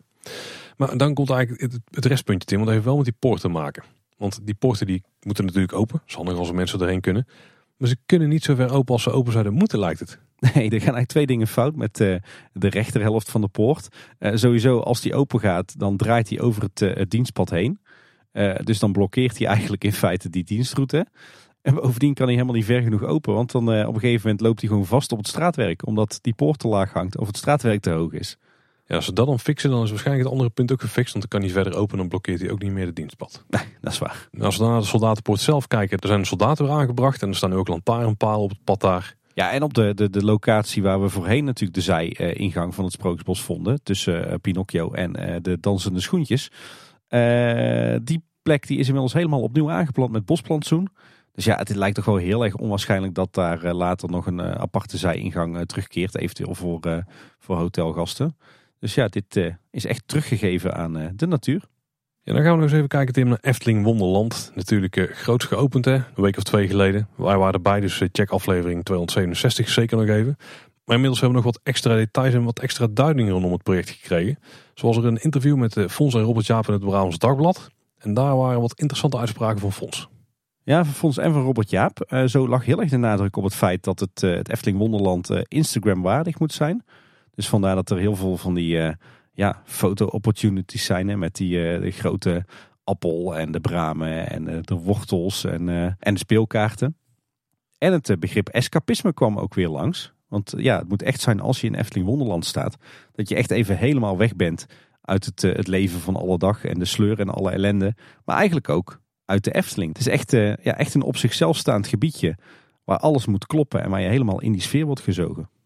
Totdat de pagode omhoog gaat natuurlijk. Maar dan gelukkig hebben ze dat hier nog een paar maanden laag blijft. Ik wou net zeggen, dat heb je zelf toch wel gezien dat het nog wel even duurt. Ja, nog een opvallende opmerking. En ik weet, we weten dus niet of dat dit een opmerking was die de krant er zelf een beetje bij heeft bedacht. Of dat Fons het letterlijk heeft gezegd. Want het was geen letterlijke quote. Maar er stond in dat na 3 oktober Efteling Wonderland moet plaatsmaken voor de schaatsbaan. Hmm. Die hebben we toch al een paar jaar niet gezien in de Efteling. Nee, en ik begreep ook een beetje tussen de regels door in onze interview met Fons. Dat uh, komende winter gewoon weer de warme winterweide terugkeert. Ja denk eerlijk gezegd dat uh, het Brabants Dagblad hier uh, niet helemaal actueel was. En waar waren niet de enige die Robert Jaap heeft gesproken. En ook niet het Brabants Dagblad was de enige. Want ook uh, Loopings die had nog een interview gehouden met Robert Jaap. En daarin een paar interessante uitspraken. Robert Jaap die hoopt namelijk dat de personages uit Alice in Wonderland ook na 2022 in de Efteling gaan terugkeren. Er zijn genoeg mogelijkheden voor, zegt hij. Een quoteje, ik hoop dat we ze ooit in de toekomst nog een keer terug gaan zien. We hebben een theater, we hebben nog een sprookjesbos. We hebben nog van alles. Nou, nou als ik zie hoe relatief Eftelings het sprookje nu al is uitgevoerd op Efteling Wonderland, dan, dan denk ik dat uh, het, het verhaal van Alice in Wonderland echt wel een, uh, een plekje zou kunnen krijgen in Efteling permanent hoor. Ja, hij heeft ook al bijvoorbeeld over een theatershow. Daar zou Alice in Wonderland een hele prima IP voor zijn. Zou zeker kunnen, ja. Ook hebben we geleerd dankzij de interviews dat het eerste bedoeling was om de viering in het Sprookjesbos te doen. Ja, ja het zou wat kleinschaliger zijn hè. Ja, ik had ook begrepen dat je dan het witte konijn op meerdere plekken in uh, het Sprookjesbos zou kunnen terugvinden. En dat hij jou iedere keer richting Alice in Wonderland stuurde. En dat er dan een kleine variant was van wat we nu op de, uh, ja, ik wou zeggen de warme winterweide vinden. Volgens mij maakte Fons zelf die fout ook nog een keer. Ja. Maar uh, in ieder geval op de speelweide vinden. En toen ik Robert Jou dit hoorde zeggen en toen hij ook wat uitspraken deed bij Team Park Science, toen begonnen mij de radertjes ook te draaien. Ik denk van wat zou dan een vorm kunnen zijn waarin we dit in, het, in de Efteling zouden terug kunnen zien. Of het nou een Sprookjesbos is of niet. En toen dacht ik van, we hebben die karakters inderdaad. We hebben al wat figuren die zijn gemaakt. Die niet per se weggegooid hoeven worden. Ik denk dat het idee van zo'n theefeestje best wel goed werkt. Zeker. En toen dacht ik wel misschien een optie zou zijn. Is als we straks de uitbreiding krijgen van het Sprookjesbos. Dat dit misschien wel een Sprookjesbos restaurant zou kunnen worden in het bos. Oeh. Dus we hebben nu bijvoorbeeld de Zes Zwanen. Wat eigenlijk combinaties van een ride en een loersprookje. En dat we dan misschien een combinatie krijgen van een loersprookje en een restaurant. Dan is het restaurant natuurlijk wel iets groter dan wat de ride is van Zes Zwanen. Maar dan zou je bijvoorbeeld op het nieuwe stuk uh, ja, nog in te richten Sprookjesbos, waar nu nog vrij weinig groen staat buiten een paar bomen in het uh, parkeerterrein. Die ze denk ik niet gaan. Nee, die gaan ze niet bouwen, die zijn al weg trouwens. Die zijn al gekapt, ja inderdaad. Want dat is natuurlijk nu een grote oppervlakte. Maar dat ze daar in de hoek uh, de, gewoon een hal kunnen bouwen, waarvan de voorkant uiteraard mooi wordt aangekleed. En dat je dan dus het konijnenhol ingaat en dat je dan jezelf kleiner voelt bijvoorbeeld. Maar dat dan de, de mensen die het sprookje zelf gaan bezoeken, dat die dus een, een kleine walkthrough hebben. Waarbij ze ook een stukje kunnen loeren. En waar dan een deel van het decor bijvoorbeeld gedeeld kan worden met, uh, met het restaurant. En dan, dan is er natuurlijk de tijd en het budget en vooral de materialisering om het veel Eftelingers te laten overkomen dat het nu nog is. Ja. Dus zo minder de, de zuurstofkleuren zeg maar en uh, gewoon meer de klassieke Eftelingse uitstraling. Uh, die, die mogelijkheden zijn er dan ook nu echt, dat was gewoon nu het budget natuurlijk niet na. En ik denk dat dat nog stiekem best zou kunnen werken. Dan heb je ook namelijk overdag iets waar je continu zo'n high tea concept kunt uitschenken. Uitschenken en uitdelen, want dat is natuurlijk ook gewoon eten een belangrijk onderdeel van. Maar wat in de loop van de dag wel om kan gaan naar ook nog eh, de eetmogelijkheid. En als je dan ook nog ooit een aansluiting zou krijgen vanaf het hotel die kant op, heb je daar ook in de avond waarschijnlijk makkelijker wel mensen zitten. Zeker. Ja, en het sluit ook mooi aan op onze ideeën voor een, ja, een meer dorpse variant van uh, het Sprookjesbos. Hè? Want Ja. dat hoor je natuurlijk ook vaak, eh, niet alleen bij ons, maar ook bij andere Efteling-liefhebbers. En dat hoort ook wel eens op de wandelgangen.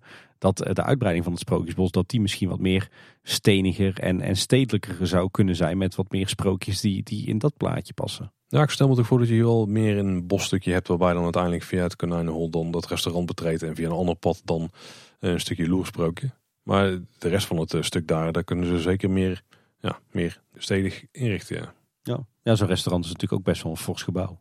Ja, daar heb je wel eh, flinke oppervlak voor nodig. Maar omdat ze dan de rand kunnen wegleggen met de, de rug van het park vandaan, kun je het ook vrij simpel houden. Ja, zeker. Maar goed, dat is toekomstmuziek. En dat is gewoon überhaupt nog volledig eh, armchair imagineer natuurlijk. We hebben ook nog wel meer geleerd over eh, Efteling Wonderland sinds de opening. eh, Door gewoon te observeren. Ja, eh, wij hebben natuurlijk tijdens de opening, tijdens de opname van onze bonusaflevering, hebben we één showtje bijgewoond. Eigenlijk zijn er gedurende de dag verschillende versies van die show. Ik kan er nog niet helemaal goed de vinger op leggen hoeveel varianten er nou zijn en wanneer welke variant speelt. En tussen die shows door, dan eh, gaan één of beide acteurs, dus de, de gekke hoedemaker en de Maartse haas, gaan ook op pad door het gebied voor wat, eh, voor wat interactie met, eh, met de mensen die rondlopen of zitten te eten en te drinken, met name met de kinderen natuurlijk. Er is nog wel veel onduidelijkheid over die shows. Er is ook niet in de Efteling-app terug te vinden van wanneer zijn die shows nou. En ook als je het aan personeel vraagt, dan, dan weten ze het eigenlijk ook niet wanneer die shows zijn. Dus redelijk random. Volgens mij is het inderdaad ook wel bewust dat het zo onduidelijk is. Maar goed, het is eigenlijk altijd wel entertainment te vinden, omdat ze dus buiten die shows om ook wat rondkuieren over het podium en dus ook eh, door het hele gebied. En eh, ook wel leuk, eh, we hebben natuurlijk de eerste paar shows gezien met, met mannelijke acteurs voor de hoedemaker en de Maartse haas. Maar er zijn ook gewoon vrouwelijke hoedemakers en vrouwelijke Maartse hazen. Ja, top. Met af en toe wel hele bekende gezichten. Ja, ik herken er ook wel een aantal. Ja. Er zijn ook eh, bordjes geplaatst rondom het podium. Want het was nog wel een probleem dat af en toe kinderen het podium op werden gezet voor een eh, fotomomentje. Dat is natuurlijk niet de bedoeling. Dus er staan nu bordjes rondomheen. Gelieve het podium niet te betreden. Helpt hopelijk een beetje. Er zijn ook witte tuinhekjes geplaatst voor de trappen naar het podium toe. Dus dan maakt het ook wel moeilijker om eh, erop te komen. Dus wordt in ieder geval eh, ontmoedigd. Hey, en we kregen ook van diverse luisteraars de vraag van wat zou eigenlijk regen of sneeuw doen met, met al die houtsnippers. Hè? Want Efteling Wonderland eh, is niet verhard. Dat zijn eigenlijk gewoon, eh, gewoon houtsnippers op de speelweide. Eh, nou, de afgelopen dagen heeft het flink geregend. Dus ik denk, ik neem eens even de proef op, op de som. Ik was toch op mijn regelaars in de Efteling. Dus ik denk, dan ben ik maar het proefkonijn. Blijkt dat die houtsnippers eigenlijk best wel goed, goed houden. Dat is niet zo'n, wordt niet, nog niet zo'n pulp zoals je soms dat wel eens op festivals ziet. Of bij de warme winterweide. Of bij warme winterweide. Ja, misschien dat het dan toch net wat langer eh, nat moet zijn. Maar nee, volgens mij hebben ze echt al voor goede houtsnippers eh, gekozen. Die niet zo makkelijk zo'n papje worden. Enige nadeel is natuurlijk dat de speelweide echt totaal niet afwatert. Dus als het eh, even flink regent, dan heb je wel op de wat lager gelegen gedeeltes, bijvoorbeeld bij de zitgelegenheid, dat het water gewoon blijft staan. Maar omdat die houtsnippers er ook liggen, zie je dat niet. Dus ik heb van de week aardig wat mensen natte voeten zien halen. Omdat ze ineens in een plas van 10 of 20 centimeter diep stonden. Dus ja, dat is nog wel even een aandachtspuntje eh, in het natte seizoen. Alhoewel, begin oktober eh, wordt het natuurlijk weer opgebroken. Hey Paul, ben jij zelf eh, eigenlijk eh, intussen al op de... Ik wou, ik wou ook weer zeggen op de warme winterweide. Maar ben jij zelf ondertussen ook al eh, in Efteling Wonderland geweest? Ik ben er twee keer geweest. Eén keer een spoedbezoek met jou. En ook één keer een spoedbezoek met mijn vrouw. Ik, ik heb nog geen showtje gezien, zeg maar. Ik heb wel een rondje gemaakt over het terrein. Maar er was op dat moment gewoon geen show. We zijn er denk ik half uurtje, drie kwartier geweest of zo. En toen gebeurde er niet zo heel veel. Eh, vooral even wat van de horeca eh, gecheckt. En eh, ja, gewoon een rondje gelopen daar. Ik moet zeggen, dat escapisme stukje, dat klopt wel. Ja. Als je het terrein op komt en je, je betreedt het gebied, dan, ja, dan ben je gewoon echt, echt even in dat wereldje wat daar is geschapen. En ja, sfeertje is wel aangenaam. Ik, ja, het is inderdaad niet het meest Eftelingse wat er in de staat. Ik kan ook door de vingers zien, want het is tijdelijk. En het is op één plek. Je wordt er niet mee om je oren ge- geslagen, zeg maar, als je dat niet wil. Je gaat er gewoon bewust heen. Maar wat er staat, ja, ja het, is eigenlijk wel, het pakt wel goed uit. En de decor-elementen die er staan, die hebben ook wel Eftelingse touches. Meer dan ik had verwacht van tevoren. En ik snap het ook wel met die eh, blow-up elementen. Kijk, alle aardbeien op een stokje, te slaan natuurlijk nergens op. Maar je hebt ook gewoon van die geplante wortelen. Want zoals ik het namelijk mezelf inbeeld, is dat ik door, die, uh, door het uh, konijnenhol ga. En dat ik dan zelf verkleind word en als een figuur van een centimeter of twintig groter door zo'n tuin heen lopen. En dan is het heel logisch dat die wortels natuurlijk een stuk groter zijn in één keer. Je bent net zo groot als een konijn, bij wijze van spreken. Ik snap alleen niet hoe dat met die gekke hoedemaker zit. Maar die is ook gewoon kleiner geworden, denk ik. Kijk, als je het een beetje in die context ziet, dan is het dan iets logischer allemaal wat daar gebeurt. En waarom die bloemen zo groot zijn op die, uh, op die printjes en die grasprieten. Beetje het uh, Toy Story Playland uh, idee, hè? Ja, ja, inderdaad, ja. Dus ja, nou, het, het sfeertje is wel, wel aardig wat er hangt, ja. ja. En ja, ik vind het jammer dat ik nog geen showtje heb gezien, want ik denk dat het daar uiteindelijk helemaal afmaakt. Wat ik moet nog gaan meemaken, wat me trouwens wel opviel, is dat ik denk dat de kosten die zijn gemaakt voor Efteling Wonderland, dat die binnen de kostenkeren zijn terugverdiend. Want we waren er op een zaterdag, dus misschien vertekent dat enigszins. Maar we zaten daar wat te eten, Tim, met uitzicht op die, die spelkramen die er zijn. Nou, de, ik denk dat we daar al enkele. Nou, ik denk dat we minstens enkele honderden euro's uh, erin hebben zien vliegen. En misschien wel duizenden euro's. Want daar stond de partij volk en er was continu iemand ballen aan het gooien. En uh, nou, er werd ook af en toe wel een knuffel verdiend. Maar die, kopen in, die kosten inkoop waarschijnlijk een euro, uh, misschien 1,50 of zo. Er wordt goudgeld verdiend daar. Ja, zeker. Je ziet ook heel wat mensen iedere dag rondlopen met die, die grote witte bolvormige ja, knuffels. Die schippiebalknuffels, ja. ja. Ja, ik moet zeggen, ik ben er zelf ook nog steeds wel, uh, wel verrassend positief over. Ik vind het eigenlijk vooral in de basis een ontzettend leuk seizoensevenement. Ik denk ook dat je het echt zo, uh, zo moet zien. Hè? Gewoon een leuk tijdelijk evenement op de speelweide. Verrassend Eftelings. Super goed gedaan. Super tof sfeertje. Inderdaad, echt dat escapisme. Uh, echt zo'n eigen belevingswereld. En ja, verrassend Eftelings en een hoog kwaliteitsniveau. Ik denk dat ze dit echt goed hebben gedaan. Wat mij betreft, zeker nu, absoluut het beste wat 70 jaar Efteling ons, ons biedt. Ja, Tim, maar die toeters. Nee, nee, nee. nee. Over, over die, die kwaliteit van uh, het vormgeefwerk uh, gesproken. Uh, er was natuurlijk aan de voorkant wat onduidelijkheid over. Hè, omdat ook die firma Create BV vrij prominent aanwezig was op de speelweide.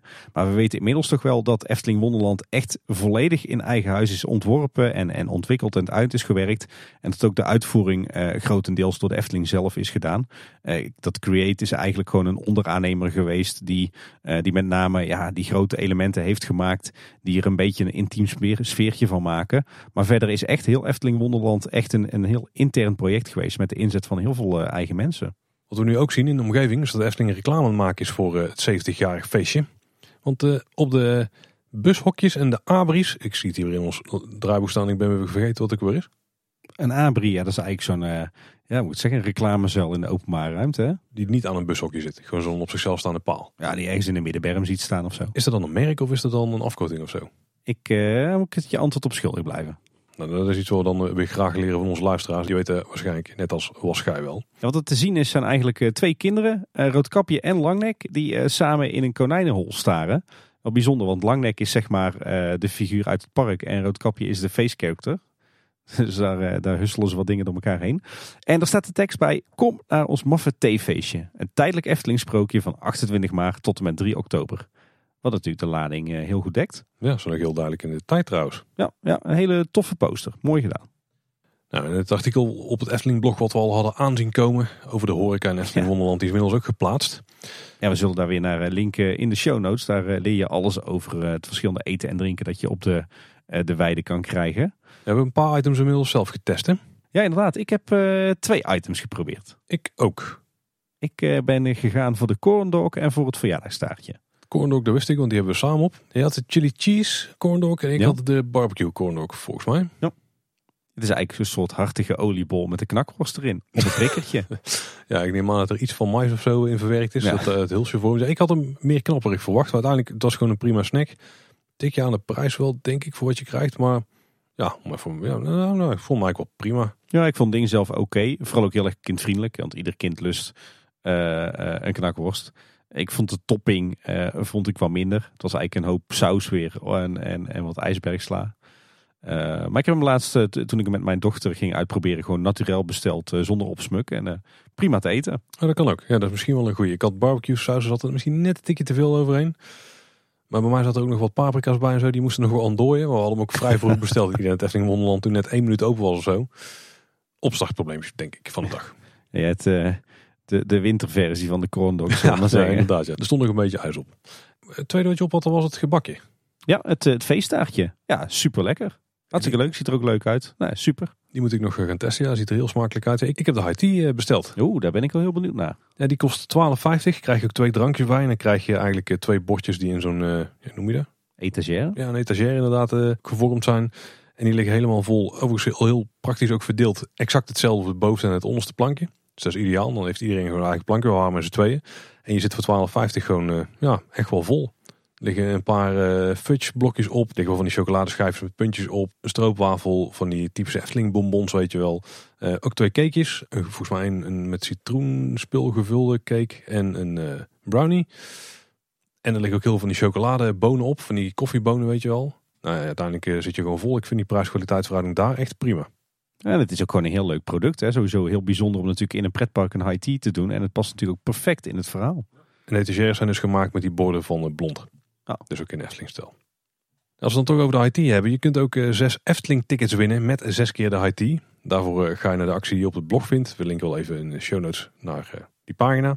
En als we dan ook over het blond servies hebben. Daar is vanaf 28 maart ook een nieuwe versie van in het Efteling thema. Want daar is op zie je het Sprookjesbos waar een groot feest wordt gevierd. En volgens mij zijn dit ook dezelfde bordjes als die we bij die etagère hadden. Ja, en uh, die zijn ook te koop uh, bij uh, de souvenirwinkel hè, op, de, op Efteling Wonderland. Ja, en er is de, daar een cakeschaal van beschikbaar. Een kom, de borden dus en mokken. En die variëren een prijs van 9 tot 30 euro. Ja, dat was denk ik alles wat we, wat we kunnen melden over 70 jaar Efteling. Hè? Ik heb toevallig van de week het, het 4 uur moment meegemaakt op het Reisrijkplein. Afgrijzelijk. Maar ja, laten we snel doorgaan eh, naar iets moois. Namelijk eh, de herbouw van het huisje van vrouw Holle.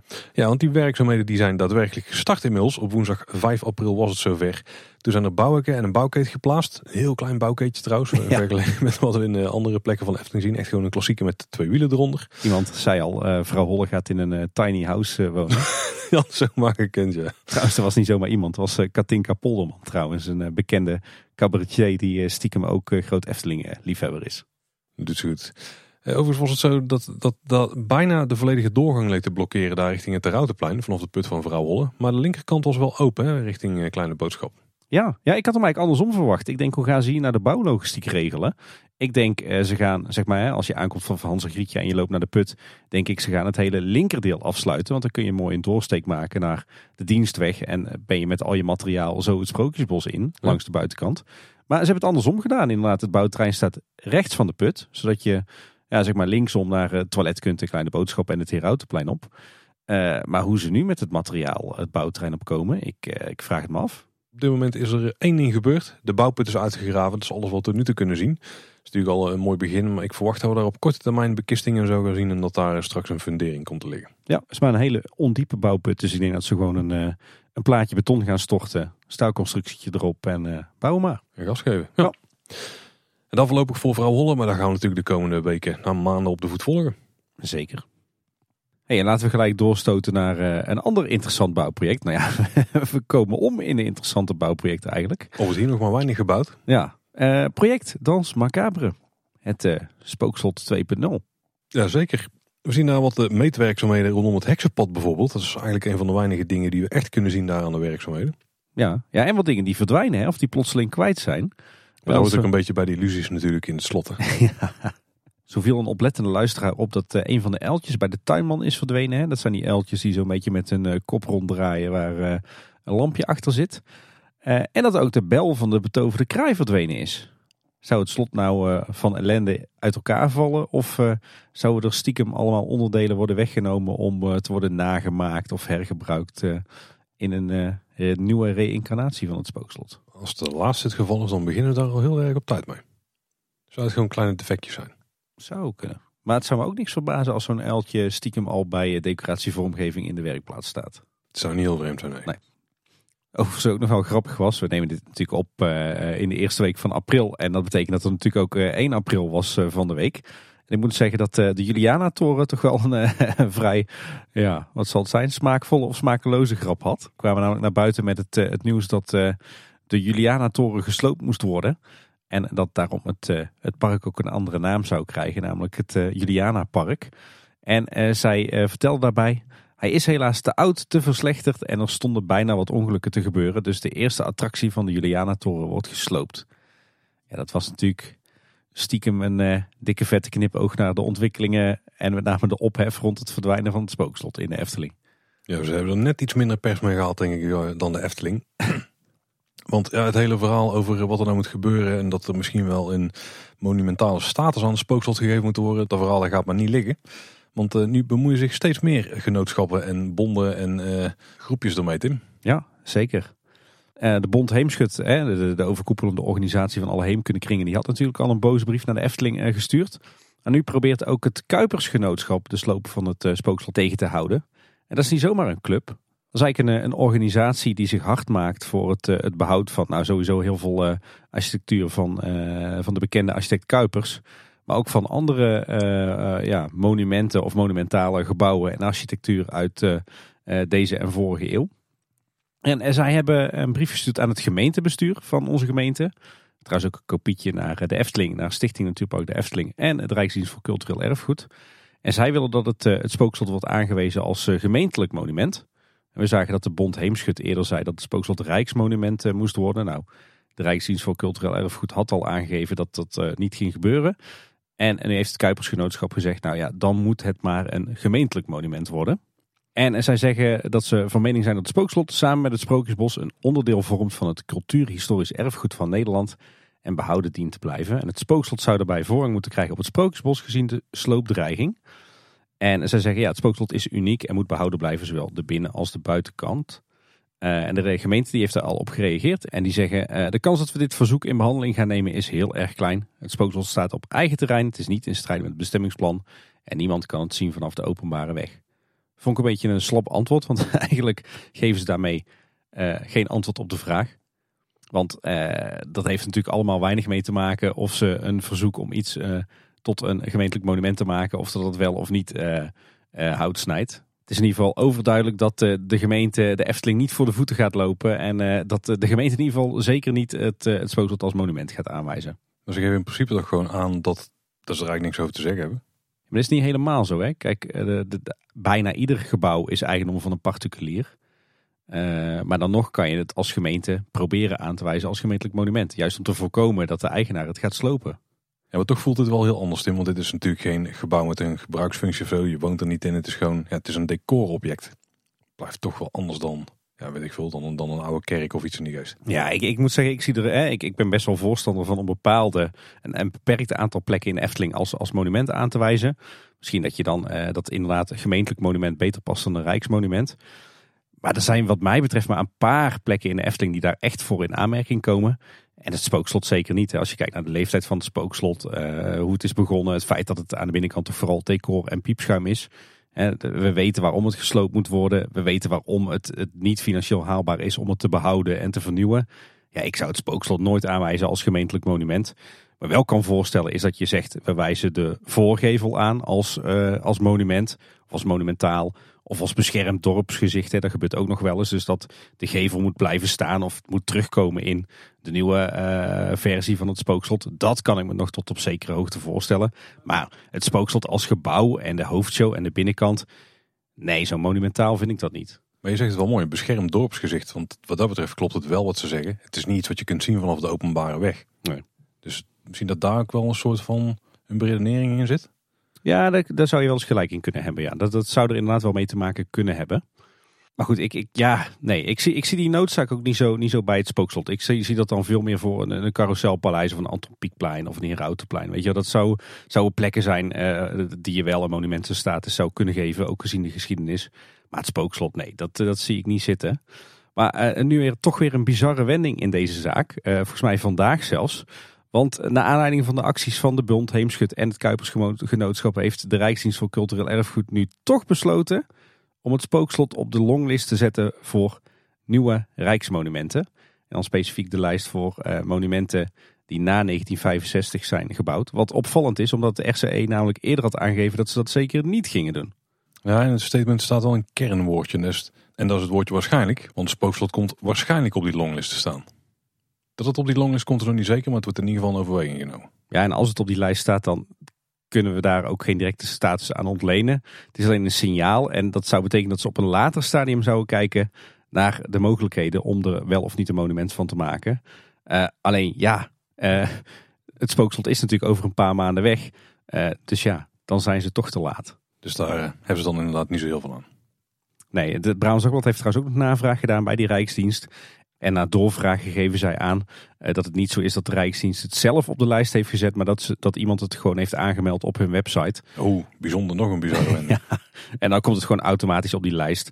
Maar dat moet daarna nog worden beoordeeld en dat vindt pas plaats uh, op zijn vroegst aan het eind van het jaar. En dan is het spookslot uh, waarschijnlijk al deels of geheel verdwenen. Het enige wat er goed in het eten zou kunnen gooien is een zogenaamde spoedprocedure. Maar de RCE die geeft al aan dat die niet zal worden ingezet. En de Efteling die reageert daar opgelucht op, want uh, ja, ze zitten er zoals gezegd niet op te wachten. En na deze toelichting uh, maken ze zich er in ieder geval geen zorgen meer over. Dan nog één laatste bouwproject uh, tussen airquotes wat we willen aanhalen, Tim. En dat is de verhouding van vak O.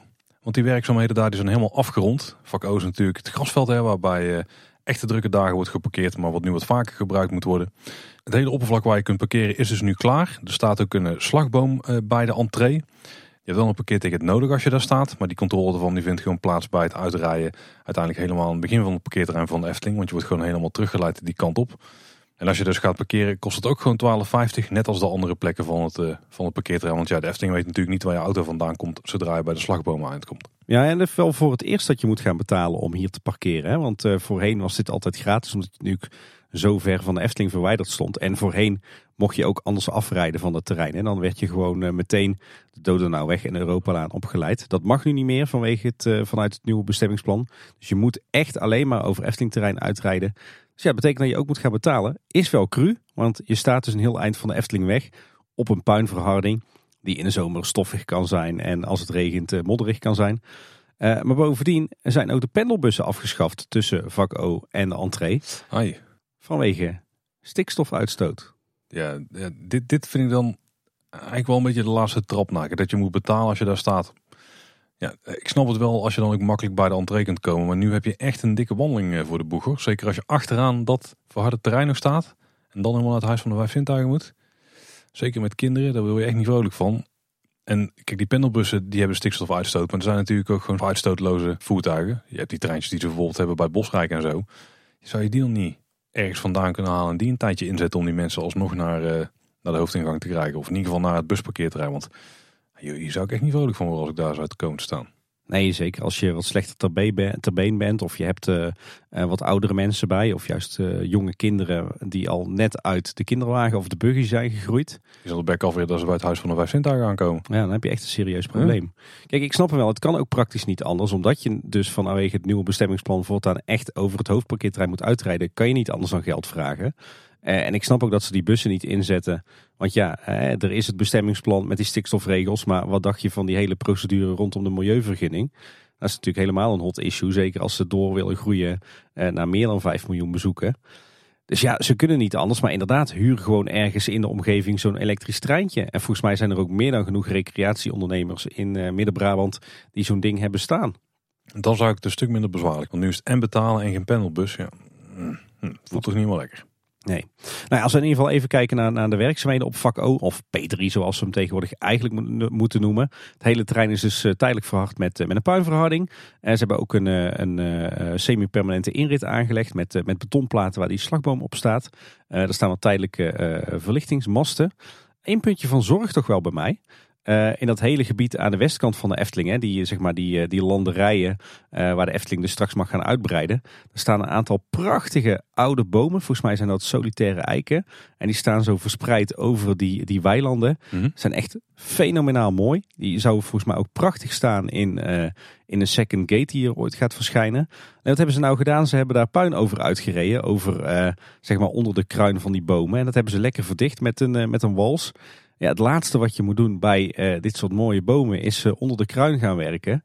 Uh, want ja, je verdicht de grond op die wortels. Er kan geen water meer bij komen. Er komen auto's op te staan. Dus ja, ik denk dat ze toch echt wat meer afstand hadden moeten houden van die prachtige oude bomen. Want ik maak me toch wel lichtjes zorgen over de toekomstverwachting van die, die prachtige bomen in dit gebied. Oeh, ik hoop dat we die gingen terugzien in een second gate of uitbreiding of net wat het dan nog gaat worden. Hm. Ik vrees met grote vrezen. Timmerson Hotel en zo is allemaal leuk. Maar toen we op social media melden dat er een extra nieuwsaflevering kwam die we eigenlijk niet hadden ingepland. Toen ging de aandacht toch vooral uit naar het volgende blokje en dat is het onderhoud. ja, want je zou bijna zeggen, de Efteling is met zoveel bouwprojecten uh, bezig. Er is echt geen tijd en er is echt geen mankracht meer voor onderhoud. Maar niets is minder waard, want uh, volgens mij is het lang geleden dat er zoveel onderhoud tegelijkertijd werd uitgevoerd in het park. Uh, ja, ja. Nou, het begon een paar maanden geleden natuurlijk. Toen was het ook wel vrij ja. erg. Daar mega lekker natuurlijk. Uh, voor ons als uh, Efteling-liefhebbers en als podcastmakers natuurlijk ook zeker. Hey, wat gebeurt er allemaal? Laten we weer een rondje door het park lopen. Beginnen we in Fantasierijk bij Aquanura. nou, daar vindt dus onderhoud plaats. We hadden het er net al even over dat er ook raakvlakken zijn met de bouw van het Grand Hotel Efteling en met het project Gasloos. Maar er vindt sowieso onderhoud plaats hier. want de hele Aquanura-vijver staat leeg. Het zag er nogal shabby uit, maar ze hebben het nu gelukkig aan de kant van het Warrelplein helemaal in de bouwhekken gezet. Dat is toch net even wat, eh, wat netter. En wat ook opviel, is dat uh, zo'n beetje alle houten balustrades zijn, zijn weggezaagd in het gebied. Of eigenlijk rond de vijver. niet alleen in dat gebiedje waar ze nu hard aan de slag zijn, zeg maar op die hoek waar het hotel gaat komen. Maar eigenlijk rond de hele vijver. En er gaan wat verhalen rond dat dit een bewuste keuze is om die houten balustrades weg te halen en metalen balustrades terug te zetten. Omdat die een stuk onderhoudsvriendelijker zijn. En ik moet zeggen, daar zit wel, uh, wel een kern van waarheid in. Want ja, die uh, gebeitste houten hekwerken langs zo'n uh, zo'n vijver waar aardig wat water opwaait iedere keer. Dat is geen gelukkige keuze. En ik denk dat de Efteling ook prima sierlijke hekwerkjes kan smeden voor rond de Aquanura vijver. Oh, dat kunnen ze zeker. En dat sluit dan trouwens ook mooi aan bij de Jugendstil van Grand Hotel Efteling. Hè? Je blijft hem erin gooien. Je ziet overal Jugendstil in tegenwoordig. Ja. En natuurlijk ook de aangepaste naam. En dan verder in het fantasierijk. Uh, de fonteinbak op de Pardoespromenade die uh, helemaal hersteld is. En waar helemaal een, een, nieuwe natuurstenen rand op is gekomen. en nieuwe nozzels op de fonteinen. Die is inmiddels weer gevuld. Dus die fonteintjes zullen binnenkort wel gaan werken. en bij Symbolica is het goed om te zien dat alles werkt. Zelfs de allerkleinste effectjes, alles is weer gemaakt. er viel me alleen iets op in het observatorium. Want daar is nu ja, een soort houten schijf op de grond geplaatst. Het lijkt op de bovenkant van een houten tonnetje. En daarbovenop staan drie aardewerken kannen. Nou ja, die zijn van polyester. Uh, er loopt ook een kabeltje uit. En die staat een beetje langs het, uh, het traject wat de fantasievader af, uh, aflegt. Het lijkt haast wel een soort van sensor of zo. Die is gecamoufleerd. Of misschien een oplaadstation. Het was in ieder geval een nieuw elementje voor mij. Is het decoratief? Of? Ja, het, het is helemaal gethematiseerd. Maar oh, het, staat er wel met een functie. Het is niet als extra decor neergezet of zo. Want het staat echt op de vloer langs het traject van de fantasievaders. Oké. Nou, misschien dat een van de, de luisteraars meer weet waar het verdient. En uh, Polles Keuken was onaangekondigd uh, een aantal dagen dicht. Van 29 maart tot en met 2 april voor uh, onderhoud.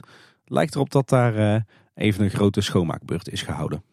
Dan gaan we door naar het Ruigrijk. Want we slaan het, het Anderrijk een keertje over. veel toffe ontwikkelingen bij Baron 1898. Want je hebt natuurlijk in het eh, opstapstation en de pre-show van de achtbaan heb je een heel aantal wielen staan die met elkaar zijn verbonden uh, met een touw. Wat dan ook weer in verbinding staat met die, die stoommachine en dus de show in, in die pre-show. dat is een tijd lang stuk geweest, maar inmiddels doet alles het weer. En verder komt er ook weer rook uit de fabriekschoorsteen buiten. Er komt ook volop rook uit de pijp van de baron. Dus heel wat effecten daar die allemaal weer gemaakt zijn. Heel tof. Eigenlijk het enige wat nog een beetje een probleem is, uh, is uh, de audio in de, de pre-show. Uh, voordat je de lift op wordt getrokken. Want ja, de speakers daar die kraken nog steeds flink. Dan door naar Joris en de Draak. is momenteel natuurlijk in onderhoud voor een aantal weken. Daar zijn ze nu bezig met een flinke retrack. oftewel, daar wordt een deel van het, ja, zeg maar van het achtbaanspoor verwijderd en vernieuwd. En het, de hele houten constructie daaronder. en op dit moment zijn ze bezig met het stukje achtbaan ja, hoe moet ik dat nou uitleggen? Uh, het zeg maar een beetje dat lage gedeelte als je richting de splash van de Vliegende Hollander rijdt. Ja. Dus zeg maar nog voordat je die bocht inschiet bij, uh, aan de kant van de Piranha. Ja, ja, ja. ja, ja, ja. Dat hobbelt zo zo'n beetje. En uh, dat zijn ze nu aan het retrekken. En ik zag ook wat berichten voorbij komen op social media over werkzaamheden bij Draak Etna. Uh, maar dat lijkt heel kleinschalig te zijn. Misschien een poetsbeurtje. Want ik heb daar verder niks gezien wat wijst op uh, technisch onderhoud of een, uh, een hoognodige schilderbeurt. dan door naar de Vliegende Hollander. Daar is natuurlijk het winteronderhoud geweest. een aantal dingen zijn er weer gerepareerd. Zo werkt de emmer weer in de haven. Die emmer die wordt opgetrokken langs de boot. En ook de projectie bovenaan de lift die doet het weer. het enige wat nog niet werkt zijn de watergordijnen in de laatste scène. En de projectie daarop. Dus het lijkt erop dat, dat daar aan wordt gewerkt. Er is ook wat werkzaamheden gespot bij de EHBO-post die nog in het uh, Ruigrijk ligt. De oude EHBO-post. Het dokter van Tuinpaviljoen uit mijn hoofd. Ja, heel goed, Paul. Daar stond de deur open en uh, nou, er stonden ook wat deuren buiten volgens mij. En er was net van alles gedaan. Ja, werd lekker gewerkt. Was, maar wat ze daar exact aan doen zijn, dat weten we niet. En bij kapitein Gijs waren ook wat voorbereidingen voor onderhoud gespot. Of in ieder geval, er stonden wat mensen daar voorbereidingen te treffen, leek het. Ja, met een kleurstaal, dat is altijd een goed teken. En eh, dat is ook hard nodig ook, hè, want uh, kapitein Gijs of uh, boekanier Gijs, zoals die ook nog wel eens wordt genoemd, die is echt al, al een hele lange tijd flink aan het afbladderen. Het kan eigenlijk echt niet meer. Maar het lijkt er nu toch op alsof de eerste voorbereidingen plaatsvinden voor een, een schilderbeurt. En dat zou ook wel weer heel tof zijn als dat ook de komende maanden gaat plaatsvinden. Ja, dan gaan we naar Reizenrijken, Tim. Ja, en daar is iets gebeurd, Paul. Daar heb jij je de laatste dagen je hoofd flink over gebroken. Ik heb dit dus nog niet in het echt gezien, dus dat moet ik nog wel even gaan doen. Maar ze zijn bij Carnaval Festival bezig. Want eh, voor de entree en eigenlijk ook voor de uitgang, daar hebben ze drie nieuwe plantvakken geplaatst. En die zijn allemaal, ja, ik denk een centimeter of 60, 70 breed. Ja, precies de, precies de breedte die je nodig hebt voor een haag. Dus daar zullen inderdaad hagen komen. Ze hebben allemaal een, een beetje een bochtvorm. En die lijken, ja, waar, waar zijn ze voor? Ik, denk om uh, een beetje het verkeer te splitsen, wat de entree gaat en wat de uitgang uitkomt. Uh, er lijkt ook een soort boog gemaakt te zijn waar je dan eventueel nog wandelwagens achter kunt stallen. Dat er ook eindelijk een fatsoenlijke wandelwagenstalling is. Maar er komt daar gewoon een, ja, laat, mogen we denk wel bijna een groen plantje noemen. Het uh, avontuurdolf komt terug. ja, nou, hopelijk doet het groen het daar beter dan in een andere hoek van het park. Je staat wel meer de zon op, denk ik trouwens. En daardoor krijg je eigenlijk een beetje een trechter naar de hoofdentree toe van Carnaval Festival. En dan krijg je ook eh, een, een bezoekersstroom die ze wegleiden van die trechter weer, die dan de uitgang uitgaan. Uh, en je kunt er nog omheen lopen om dan de minder valide ingang te pakken. En er is eh, door die heg ook een duidelijke scheiding tussen de toiletten en de hoofdentree. Normaal gesproken kun je natuurlijk drie stappen zetten en dan sta je van de een op de andere plek. Maar dat kan dadelijk niet meer, want die heg lijkt helemaal door te lopen tot tegen het gebouw aan. Dus dan moet je echt, als je in de toiletten bent geweest en dan uh, Carnaval Festival in wil, er helemaal omheen lopen. Moet nog aangeplant worden. Ik neem aan gewoon met een dichte haag, eh, misschien zelfs met wat draden tussen, dat je er echt niet doorheen gaat lopen. Ik ben heel benieuwd hoe dit in de praktijk gaat uitpakken. Ja, als het goed is gaat dit uh, in fase 2 van de wereld van Simbad toch nog op de schop. Hè? Ja, zou dat? Of zou de plan een beetje veranderd zijn nu?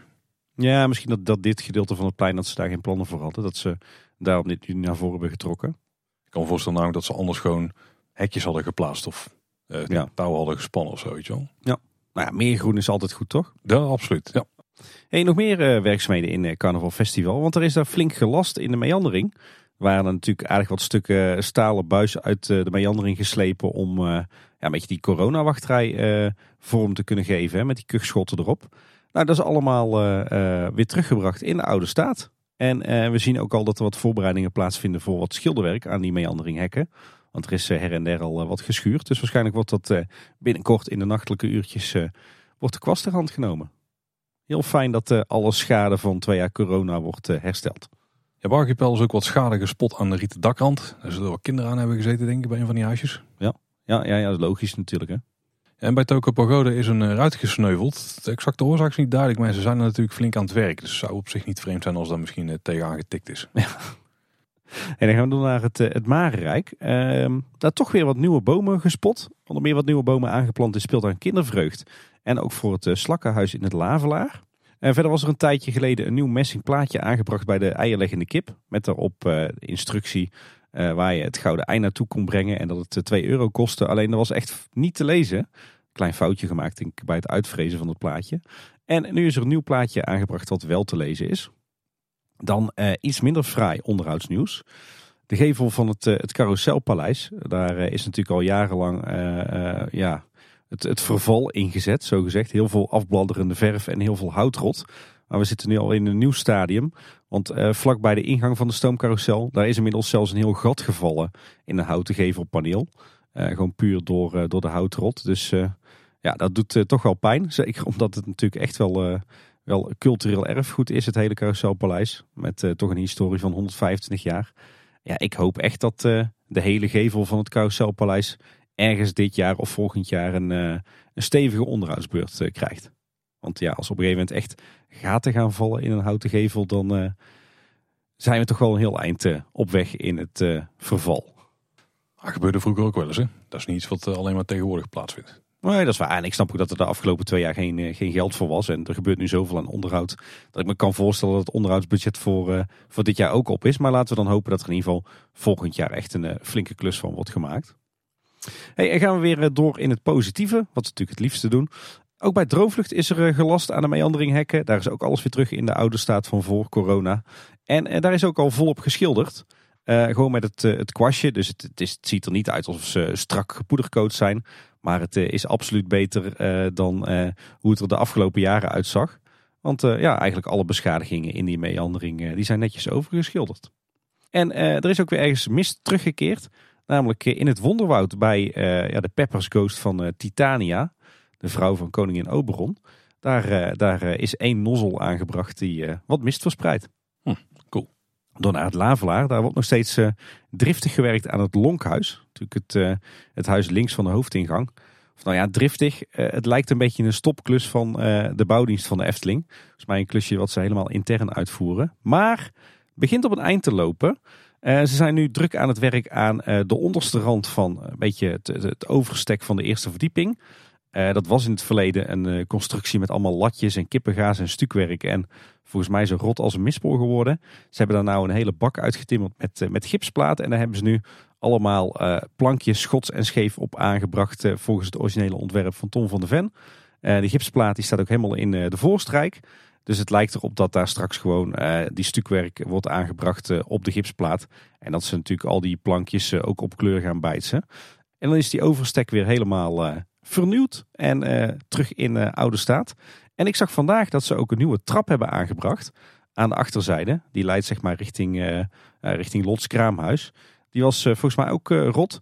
En die is helemaal nieuw gemaakt. En net zoals de, de vorige trap ook helemaal uit boomstammen geconstrueerd. En nog een klein defectje in het lavelaar. Eentje van de kleine boodschap bingo kaart. Want de molen van het Larikoekhuis die staat helaas alweer een tijdje stil. Zou iets te maken kunnen hebben met als er veel wind staat? Dat hij dan uh, misschien extra schade oploopt? Of dat uh, slecht voor de motor of zo? Nou, dat zou eigenlijk wel goed kunnen. Nou, wie weet. En nog de laatste, laatste puntjes eh, van onderhoud in het Marenrijk. zo werd er vlak voor de heropening van Ravelijn werd er nog wat schilderwerk uitgevoerd aan de Magische Poort, aan het Tom van de Ventplein. En in het Sprookjesbos vindt onderhoud plaats aan Geppetto's werkplaats.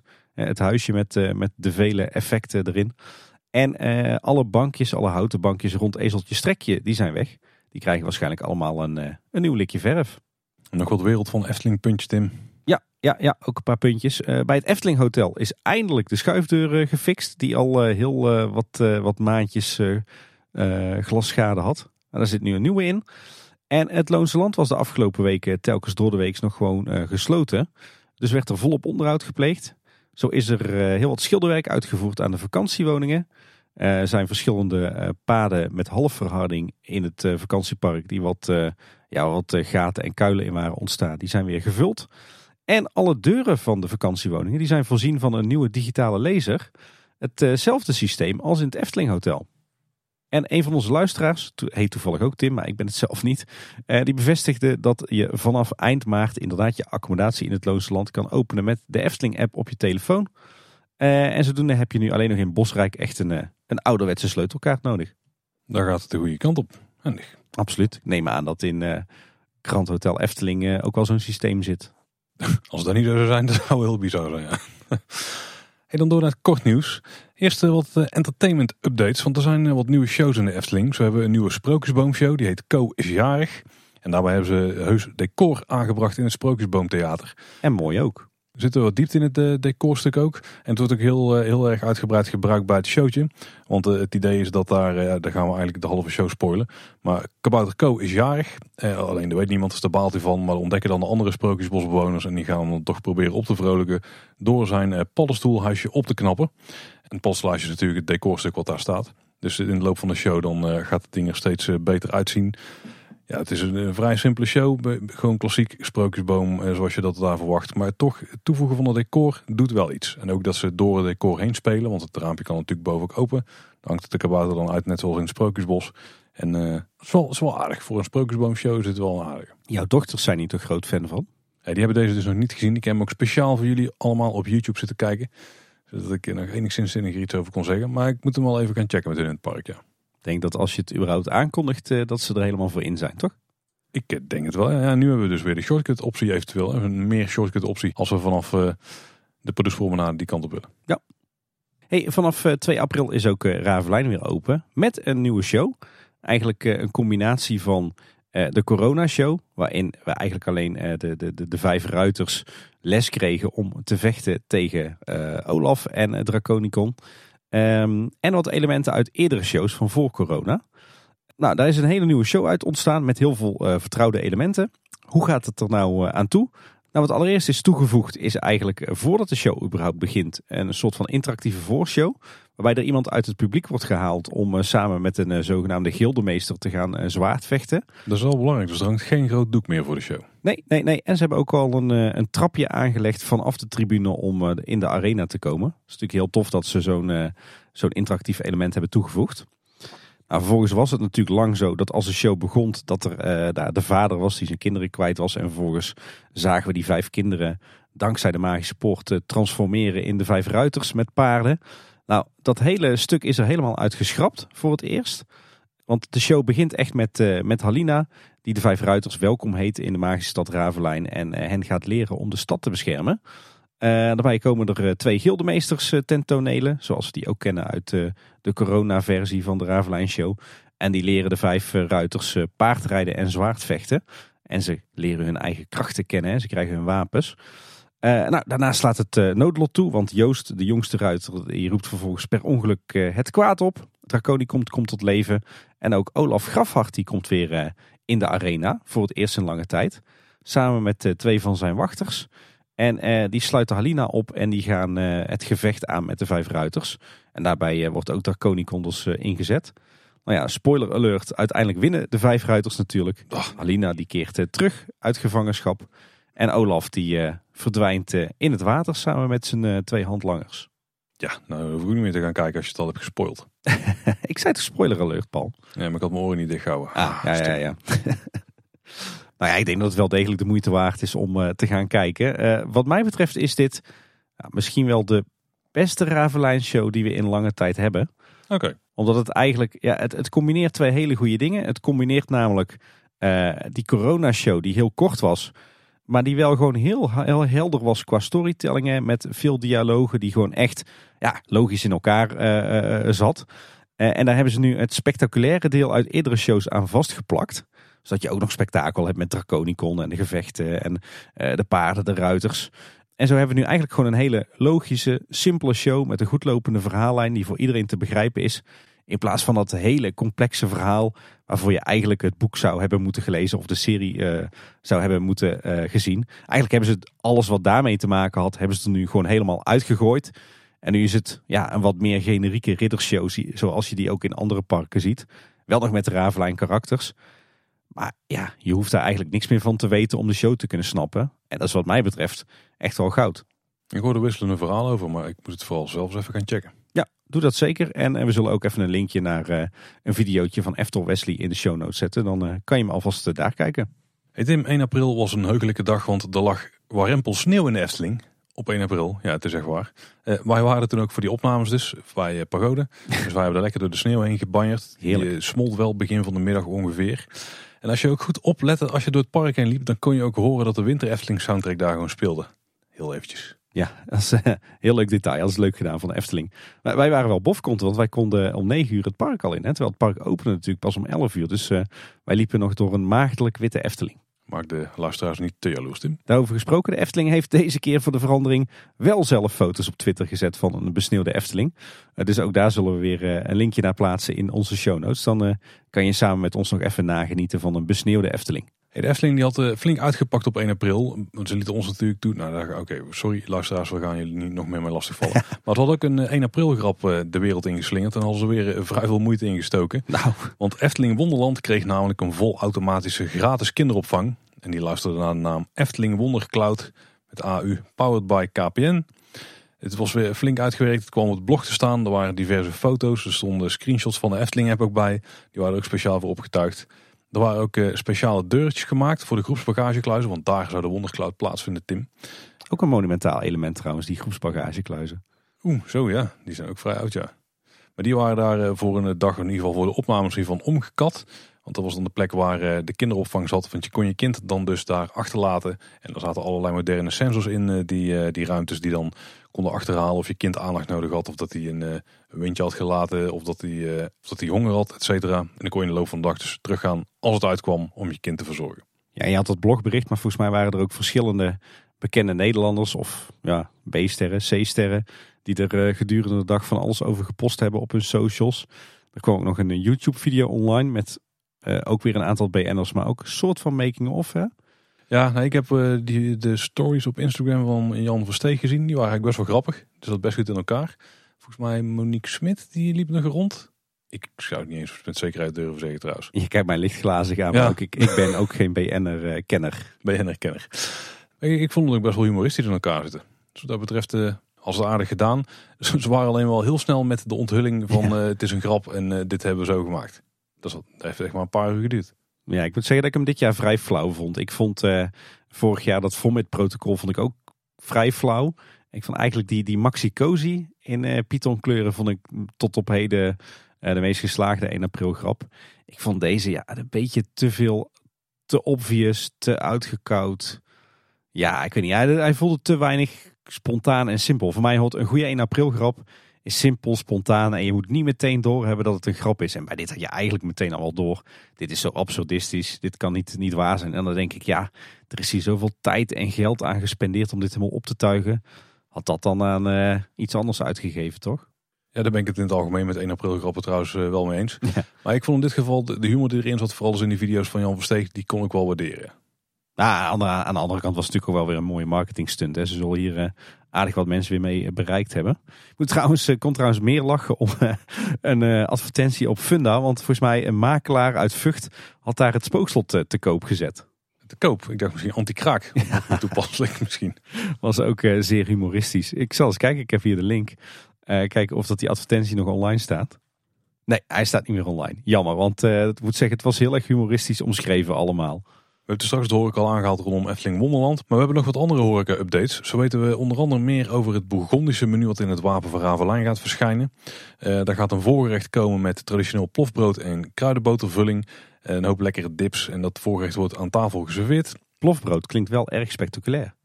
Past goed bij uh, zo'n show. Er zitten ook eh, kleine gerechtjes bij, dus rookvlees, kippenvleugeltjes of gerookte makreelfilet. Gegrilde groenten zitten erbij, een ving en tomatenbouillon. En voor de jonge ruiters een spiesvol lekkere en gezonde producten. Het hoofdgerecht mag je uiteindelijk dus zelf kiezen. Dan kun je kiezen uit een Bourgondische vleesschotel. Dus niet met de kip, Tim. Nee. Al kan het er wel onderdeel van zijn. Uh, een vegan beet Wellington. Of een Noorse verzalmfilet. Er zitten dan uh, geroosterde aardappels bij, verse seizoensgroenten en een tuinsalade. Het is uh, op het moment van opname tien over elf s avonds. En ik begin verschrikkelijk honger te krijgen terwijl jij dit voorleest, Paul. Nee, er is nog een stroopwafel in de collectie, dus die mag je hebben. Red het niet bij de Bourgondische vleesschotel of de Noorse zalmfilet. Nee, ik zie daar ook wel zitten, ja. Kinderen die kunnen trouwens kiezen uit een uh, ruiterburger van rundvlees met krokante aardappeltjes. Of een drakenkluif van kip met een eigenheimer. Oeh, dat, klinkt goed. Daar zullen ze wel aanstaan, ja. Of een romige aardappeltaart met spinazie en vegetarische kipstukjes. Dat is ook een veganistische variant van mogelijk. Uiteindelijk wordt de avond natuurlijk afgesloten met een heerlijk dessert. Nou Tim, ik weet niet hoe het met je honger staat, maar het wordt nog erger denk ik. Ja. Die is gemaakt van pavlova met luchtige meringues en een rijke crème van vanille, gepocheerde perzik, framboos en witte chocolade. Jongens toch. Oeh, dat klinkt heel goed. Alle dranken zijn trouwens inbegrepen. Eh, en, en je kunt ook thematische alcoholvrije mocktails proberen. Ik, ik moet hier gewoon iedere, iedere week gaan eten, Paul dit is gewoon gemaakt voor mij als ik eh, zo al die gerechtjes hoor. Dan ben je wel zo failliet, maar er is wel een goed plan. ja. Overigens ook wel meer bekend over de dinnershow. Die kunnen de beste denk ik gewoon quoten. Al zingend komen het restaurant binnen waar de vrolijke herbergier iedereen voorziet van voldoende hapjes en drankjes. En na het overwinningslied vertellen ruiter Thomas en Samira hoe ze de draak van graaf Olaf konden verslaan. Dat is wel interessant, want er werd verwacht dat Samira ook weer haar opwachting zou maken in eh, de nieuwe uh, Ravelijn theatershow. Maar daar zit ze dus niet in.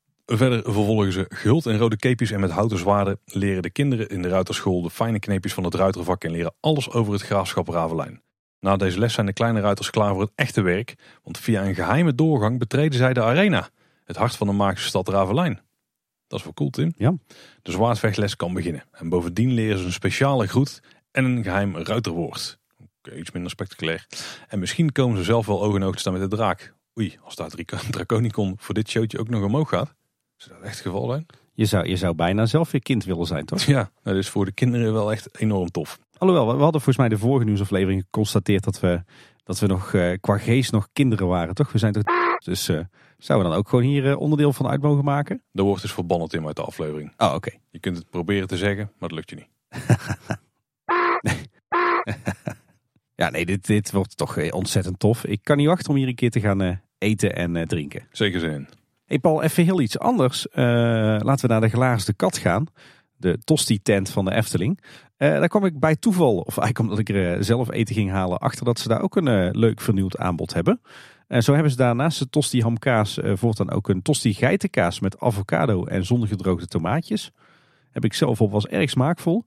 En voor de kinderen is er een mini tosti met kaas en kipfilet. Die zitten dan in stukjes op een prikker. En je kunt ook een ontbijttosti krijgen met hamkaas en omelet voor de stevige trek. En verder eh, verkopen ze nu ook los uh, kokosmacronen en American cookies. Ook uh, leuk. Die had ik ook nog niet eerder gezien. Dus ja. kleine toevoeging, maar heel tof. Ja, dus ook al hoor ik verdwenen uit het park. Bij de Gulden Garde kun je nu geen etenswaren meer kopen, alleen nog maar souvenirs. Want raar is, want je hebt dus bij de uitgang van Droomvlucht nu twee souvenirwinkels. Ze moet iets met die ruimte. Zal het blijkbaar beter doen. Ja. Dan een merchandise nieuws Tim. En uh, weer pinnieuws. Het zal eens een keer niet zo zijn. Vanaf zondag 10 april kun je namelijk de muzikale paddenstoelen pin kopen. Ze zijn vrij kort met die aankondiging, want het was natuurlijk afgelopen zondag. Er zit ook muziek in, in de pin. De menu in G, hè? Ja, absoluut. Ja, we weten niet hoe die gaat klinken, want we hebben hem zelf dus nog niet eh, in het echt gezien of gehoord. De oplage zit keer 2.500 stuks en de kosten zijn 10 euro per stuk. Er zit natuurlijk ook wat eh, elektronica in het keer. En uh, ze hebben het weer enorm makkelijk gemaakt om het uh, te bemachtigen, de pin. Je moet aan de TUE gestudeerd te hebben om een pin te bemachtigen. Ja, nogmaals, het is al te laat, want het heeft inmiddels plaatsgevonden. Maar laat het voor de vastlegging toch nog even oplezen. Zondag 10 april tussen 9 uur en 10 uur s ochtends dan worden de bonnetjes uitgedeeld. Bij het souvenir chalet wat je vlak naast Efteldingen vindt op het Dwarrelplein. Kun je een maximum van drie bonnetjes krijgen. En per bonnetje kun je tussen, let op, tussen 10 en 1 de pin bemachtigen bij een van de fietskarren op het Routenplein in het Sprookjesbos. Dus dan moet je het halve park er even door om naar te komen. Vanaf 1 uur zijn die bonnetjes niet meer geldig. Dus het bonnetje wat je had moet je ook wel voor 1 uur innen. Dus ik hoop dat ze voldoende kar hebben. Ze moeten in potentie dus 2.500 van die pins uitreiken daar. En vanaf 1 uur gaat de resterende pins, dus alles wat nog over is, naar de souvenirwinkel in de Noude Marskramer. Zolang ze er nog zijn.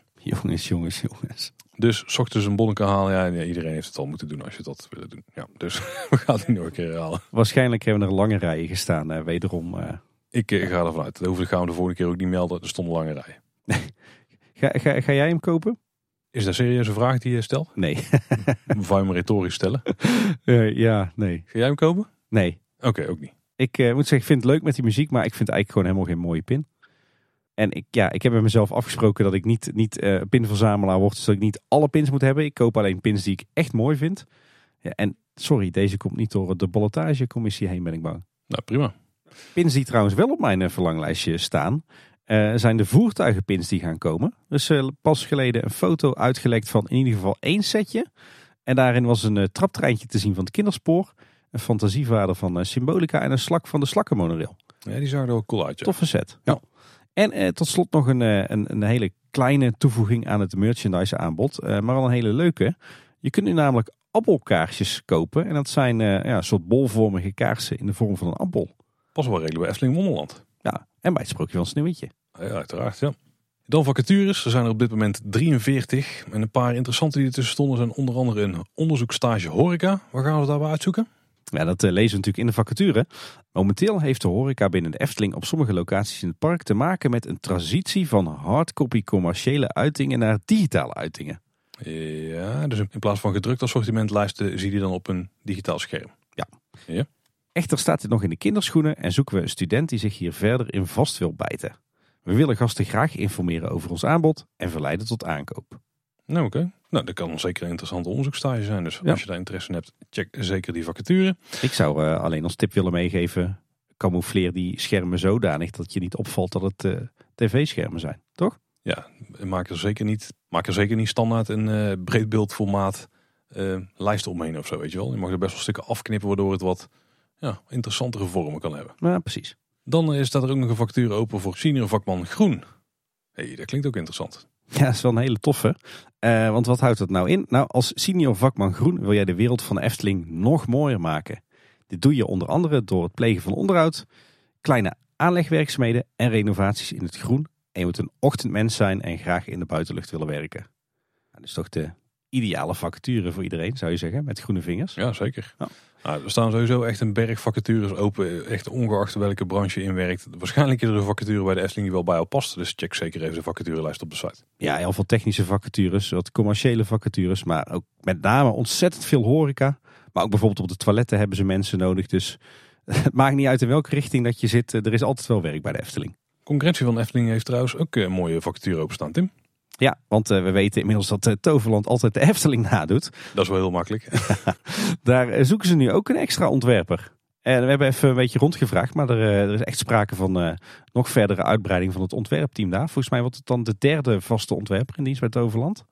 Ja. En je gaat dan werken bij de afdeling ontwerpen en ontwikkeling. En dat is wel een mooie, want dat is natuurlijk de oude naam van de ontwerpafdeling van de Efteling. ONO. Dus als je buiten de boot bent gevallen in het, de sollicitatieprocedure voor ontwerpen bij de Efteling. Er zijn er nogal wat die, die buiten de boot zijn gevallen daar. Dan zou ik zeggen, waag nog een keer een, een kansje. Ja, zeker. Hey, nog een, een hele toffe luistertip. De Loopings podcast is er weer een nieuwe aflevering van online. En die is dit keer met de communicatiemanager van de Efteling, namelijk Femke van S. En uh, daarbij praat Wessel met uh, Femke over de communicatiestrategie van de Efteling. En daar wordt uh, zeker de situatie rondom de communicatie van het spookslot en het hotel aangehaald. Waar Wessel hier ook een keer een woordje over heeft gedaan. Erg interessant om eens te luisteren bij monden van de Efteling wat, wat hun visie daarop is. Ja, ja en Femke is, vind ik, heel erg openhartig. ook over de, de, de, hele situatie rond, rond corona en de communicatie daar rondomheen. Dus ja, dit is een absolute must om te luisteren. Als er een plek is, Tim, waar je de kleine boodschap bingo natuurlijk flink kan vullen dan is er wel bij afleveringen van ons. Kan ik niet anders natuurlijk. dat klinkt vrij Maar logisch, ja. Soms zijn er ook wel eens uitingen die, eh, ja, die een aantal termen overnemen. Ja, zo stond er ineens een, eh, een interessant artikel online op de website van eh, de firma Tectoniek over het thema beton in de wereld van Simbad. En dat was een verrassend interessant artikel waarin je echt alles leest over het, het thema beton dat is toegepast in de wereld van Simbad. Over kleuren en over de, de betonnen constructie die is gebruikt en over schablonen en dingen die erin werden gedrukt. Super eh, boeiend als je mij bent. lekker, lekker specifiek. En er stond er ook nog een, eh, een, eh, een mooi feel-good artikel in het Brabants Dagblad over twee Efteling-fans, Connie en Ronald. afkomstig oorspronkelijk uit Zuid-Limburg, maar een tijdje terug verhuisd naar, naar Kaatsheuvel. Omdat de Efteling Connie gewoon ontzettend goed doet. Er zijn trouwens ook twee bekende gezichten in eh, de Efteling. Ik denk dat ze er bijna iedere dag wel, eh, rondwandelen. Ja, gewoon een heel mooi artikel om, eh, om te lezen. wat, wat de Efteling toch voor mensen kan betekenen. Ehm, want zoals Connie zelf zegt, de Efteling is echt haar, haar medicijn om alle ellende te vergeten. Ik denk dat dat voor, voor velen van ons geldt. Maar een heel mooi aangrijpend artikel in het Brabants Dagblad. En we zullen er even naar linken in de show notes. Ja, en dan nog wat nieuws over de film die nu bij Fabula draait. The Bear and the Squirrel. Zo verkoopt de achtbaan in ieder geval eh, aan andere parken. Die gaat namelijk vanaf Pasen spelen in ja, het park, Tim, ik had er nog nooit van gehoord. Wookie Hall Caves. Ja. Zegt hij jou? Ik, ik kende het niet. Ik heb het wel even eh, opgezocht. En het is een redelijk bizar amusementspark. Wat is opgetrokken rond eh, ja, eigenlijk een grottenstelsel. Wat, wat heel erg aantrekkelijk is of intrek is. Dus ja, je moet je voorstellen de grotten van Han. Maar dan met eh, een soort van recreatieparken rondomheen. Dit is in het Verenigd Koninkrijk ergens? Ja, ja. We zullen ook wel even naar linken in de, de show notes. Eh, kijk maar eens op de website rond. Eh, tamelijk bizar parkje. Wat trouwens ook leuk is, de Efteling heeft een hele tijd geleden het boekje Der Waar uitgebracht. Met daarin een aantal bekende sprookjes uitgeschreven in het Brabants. in verschillende dialecten. Daar zat ook een cd bij, eh, waarop die, eh, die sprookjes werden voorgelezen door mensen die ook daadwerkelijk dat dialect spraken. En Joost Major, eh, luisteraar van ons, en je kunt hem onder andere kennen uit de special over Efteling tatoeages. Die heeft zes van die sprookjes van die cd op YouTube gezet. En daar kun je ze dus gaan luisteren. We zullen een linkje naar de playlist ook weer even in de show notes knallen. Ja, heel cool. Zeg Paul, en is er in de periferie van de Efteling eigenlijk nog wat spannends gebeurd? Nou zeker, er is weer eh, verblijfsrecreatie nieuws. Want het Franse bedrijf Marvilla Parks die heeft camping het genieten overgenomen. En die hebben daar echt flinke plannen bij.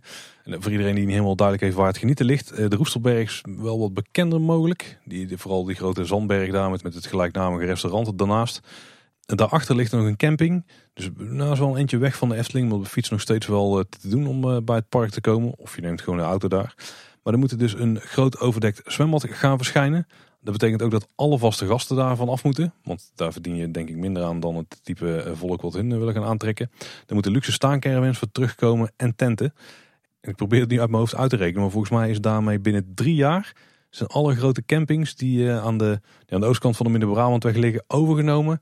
En volledig op zijn kop gezet voor een, een nieuw concept. En dat betekent overigens ook dat er dus nog minder campingfaciliteiten in de buurt van de Efteling liggen. Ja. Nog minder betaalbare verblijfsaccommodatie. Ja. Ja, dit, dit bedrijf, dat, dat uh, Marvia Parks, dat, die is echt flink aan de weg aan het timmeren. Volgens mij hebben ze iets van 35 eh, van dit soort luxe campings en, en vakantieparken in eh, Frankrijk. En dit wordt nu hun tweede bedrijf in Nederland. En dit moet echt hun vlaggenschip worden. Dus dit wordt echt super de luxe. Wel een groot overdekt zwembad in de buurt. Als je ook als niet-gast op het park terecht kunt, dan is dat wel gunstig. Want Geniet heeft nu vooral een hele grote speeltuin waar we nog wel eens komen. Ja. Waar half Kaatsheuvel wel eens komt overigens. Dus ik ben ook benieuwd wat daar de toekomst van is. Oeh ja, die speeltuin, ja, dat is wel een goeie. Nou, vooral die waterspeeltuin was altijd wel in trek. Ik ben benieuwd wat daar inderdaad uh, Ja. de toekomst van gaat zijn. Ligt echt tegen de Loons en Drunense Duin aan. Dat is wel een hele gunstige plek. hey Paul, en eh, dan nog dit. Heb jij nog spannende dingen meegemaakt? Ja, eigenlijk niet. Buiten het eh, zeer suf eh, binnen moeten zitten heb ik weinig eh, meegemaakt, ja. Jouw hernieuwde kennismaking met corona. Ja, nou die was nu al gunstiger dan de eerste keer. Toen viel hij iets meer tegen. Nee, ik heb eigenlijk niks, Tim. Maar heb jij nog eh, interessante dingen gedaan? Want volgens mij heb jij best een pittige week gehad ook. ja, nou, dat sowieso inderdaad. Met eh, de ziekenboeg thuis en internetproblemen. Maar eh, nee, ik had ook wel een hoogtepuntje. Ehm, mijn oudste dochter die ging voor het eerst op schoolreisje naar de Efteling. En dat is wel een leuke. Ik denk dat weinig luisteraars dat zullen weten. Maar alle Kaatsheuvelse basisscholen mogen één keer per jaar met de hele school gratis naar de Efteling. Dat is een goede deal, ja. En eh, toen mijn dochter in groep 1 zat, toen ging het niet door vanwege, heb je het weer, corona. Eh, dus dit was de eerste keer eh, dat ze met eh, de klas naar de Efteling ging. En ik had me opgegeven als eh, hulpouder om mee te gaan naar de Efteling. En vanaf het moment dat ik dat met mensen deelde, kreeg ik van iedereen te horen... Nee, wat heb je gedaan? Dat wordt drama, dat wordt verschrikkelijk. Wat doe je jezelf aan? Doe dat niet. Maar ik moet zeggen, het was appeltje eitje. Wij hebben een hele leuke dag gehad eh, in de Efteling met, nou pak een beet 25 eh, kleuters... min of meer hyperactief. En eh, zeven moeders en stromende regen. Klinkt misschien niet heel erg aantrekkelijk eh, alles bij elkaar. Maar eh, het was een hartstikke leuke dag. De kids hebben zich vermaakt. De hulpouders hebben zich prima vermaakt. en ik heb me vermaakt. En ik heb zo telkens zo een beetje op de achtergrond zo een beetje de route proberen te sturen. Weet je wel. Van nou, laten we hier nou maar wel in de rij gaan staan. Laten we nou even een eetpauze inlassen hier. En wil er nog iemand koffie? En ah, moet zeggen, prima ervaring. Het was in ieder geval mijn eer na om niet mee te gaan op het schoolreisje van mijn dochter naar de Efteling. Ja, bij ons op school hebben ze gedacht om naar het Toverland te gaan. Dus ja, Ketterij. ja eigenlijk wel. Ja, en, en verder heb ik natuurlijk eh, vanwege alle ziektegevalletjes ook eh, veel thuis gezeten. En ja, verder wat, wat laagdrempelige uitjes eh, gedaan. Toch nog een kans gegeven aan de Beekse Bergen. Stiekem een hele toffe dag gehad eh, met de meiden. Uiteindelijk wel besloten om toch maar het abonnement op te zeggen. Dus die kogel is door de kerk. En eh, ja, verder nog wat, wat simpele uitjes. We zijn een keer naar de Intratuin in Duiven geweest. Op aanraden van, eh, van een vriendin van ons. Daar hebben ze eh, naast een Intratuin ook een heel goed restaurant. En een hele toffe binnen- en buitenspeeltuin. Was wel een positieve verrassing. En we zijn onderweg naar een verjaardag ook nog langs Klein Costa Rica geweest. Wat tropische kassen ergens bij Zomeren. Waar ze een, heel veel vlinders hebben. Maar het was eigenlijk een soort mini-burgersbush. Met heel veel toffe vissen en reptielen en vogels. En eh, het was echt wel een, eh, een, eh, een hele toffe verrassing. Oké. Maar goed, nou, iedereen weer op de benen. Dus kunnen we niet wachten om weer lekker op pad te gaan in Nederland en, en België. En weer allerlei leuke nieuwe plekken te leren kennen. Hey, en dan natuurlijk ook nog twee luistertips. Nou ja, allereerst toch even vrienden van de show Mark en Niels aanhalen. Die maken natuurlijk de podcast Typisch Brabant. En eh, ik heb erg genoten van hun aflevering 52. En daarin waren ze te gast, of was Niels eigenlijk te gast bij het BHIC, het Brabants Historisch Informatiecentrum. Oftewel het Provinciaal Archief. Een hele toffe eh, aflevering over, eh, nou ja, eigenlijk over de geschiedenis van de provincie Brabant. En alle verhalen die er zijn en, en wat het archief precies inhoudt. En zij hebben ook een eigen podcast, Het Geheugen van Brabant. En ik moet zeggen, na alle, eh, alle lovende woorden daarover staat hij bij mij toch ook eh, hoog op de luisterlijst momenteel. Dus eh, ja, heel tof. En, en daarover gesproken, we kregen ook nog een hele leuke mail van Casper Boot. Die schrijft, hoi Paul en Tim. Ik en mijn gezin zijn dol op de Efteling. We wonen zowat om de hoek en hebben al jaren een abonnement. Waar mijn hart vooral snel van gaat kloppen is het Sprookjesbos en dan met name al het groen. De natuurbeleving, beplanting, vogeltjes, een eekhoorn die voorbij schiet. Het blijft schitterend in ieder seizoen. Ik vind het zelf leuk om in de tuin te klooien en de Efteling is voor mijn tuin een inspiratiebron. Ik kijk dus altijd goed hoe ze in het Sprookjesbos dingen oplossen, welke beplanting er staat, hoe men zorgt voor lagen, diepte en verrassingen met name. Sinds kort ben ik met een vriend een tweewekelijkse tuinpodcast begonnen, genaamd Tuinbroekies. En in aflevering 2 kletsen we op een laagdrempelige manier over het ontwerpen van een tuin. En hierbij verwijs ik ook vaak naar de Efteling. Ik dacht, misschien leuk voor jullie luisteraars om er ook eens uh, op die manier naar te kijken als ze met hun tuin aan de slag gaan. En ja, ook in een kleinere tuin kan je dat toepassen hoor. Groeten, Casper. En ik moet zeggen, ik uh, heb inmiddels geluisterd naar die aflevering van de podcast Tuinbroekies. En ook dat is uh, absoluut een, een aanrader. Hele prettige podcast. Heel veel inspiratie voor je tuin. En waar ik vooral heel erg blij van werd, is dat Casper nogal van de de duurzaamheid en biodiversiteit en het vergroenen en het tegelwippen is. Dus wat dat betreft zijn we wel soulmates, zal ik maar zeggen. Dus uh, een hele toffe podcast. Ze zijn pas net begonnen, maar hij zit uh, kwalitatief echt goed in elkaar. Geluid goed, inhoud goed. superleuk om te luisteren. Mooi hè, voor iedere niche een podcast. Minimaal eentje. In sommige niches zijn er net iets meer inderdaad. De volgende aflevering wordt weer een nieuwsaflevering, Tim. En uh, dan hebben we waarschijnlijk iets minder nieuws te melden. Dus dan zullen we een aantal extra reacties van luisteraars aanhalen. Heb je nou een vraag voor ons, dan kun je die op verschillende manieren bij ons krijgen. De makkelijkste manier is, nou er zijn heel veel makkelijke manieren. Maar als je naar kleineboodschap.com slash volgen gaat, dan vind je alle social media plekken waar wij te vinden zijn. En waar je dus contact kunt opnemen. En als je dan toch op kleineboodschap.com bent, dan kun je daar ook het contactformuliertje vinden. Maar mailen kan ook, dat doe je naar info.kleineboodschap.com. Ja, en uh, www.kleineboodschap.com is ook onze website. Daar vind je naast het contactformulier ook al onze afleveringen. Eh, niet alleen van Kleine Boodschap trouwens, maar ook van onze podcast De Buitenwereld.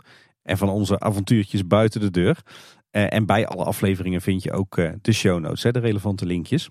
En de makkelijkste manier om een kleine boodschap te luisteren is natuurlijk met een podcast app of via Spotify.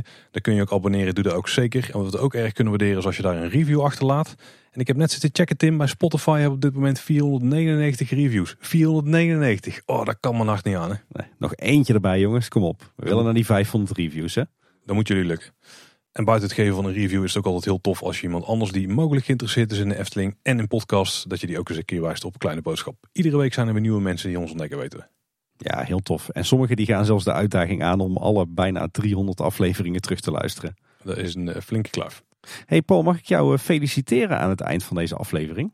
Ja, ik denk dat ik wel weet uh, waarmee je mij wil feliciteren. Want dit is voor het allereerst sinds maart 2020 dat wij een nieuwsaflevering van Kleine Boodschap hebben gemaakt zonder coronablokje. Ja, daar heb ik dan een klein beetje roet in het eten gegooid omdat ik er zelf last van had. Daardoor heb ik het wel moeten noemen, anders was het gewoon een volledig coronavrije aflevering geweest. Nou, we hebben in ieder geval niks meer hoeven te zeggen over maatregelen en reserveren oh. en, uh, en de rood-witte lijnen en kuschotten. Dus, uh, en dat voor het eerst in ruim twee jaar. Zoals in de Vlaamse de Mol zouden zeggen, zalig. Zeggen ze ook gewoon in Brabant hoor. Maar niet zo mooi als in Vlaanderen. Dat is waar. Dat was in ieder geval weer voor deze week. Luisteraars bedankt voor het luisteren. Tot de volgende keer en houdoe. Houdoe waar.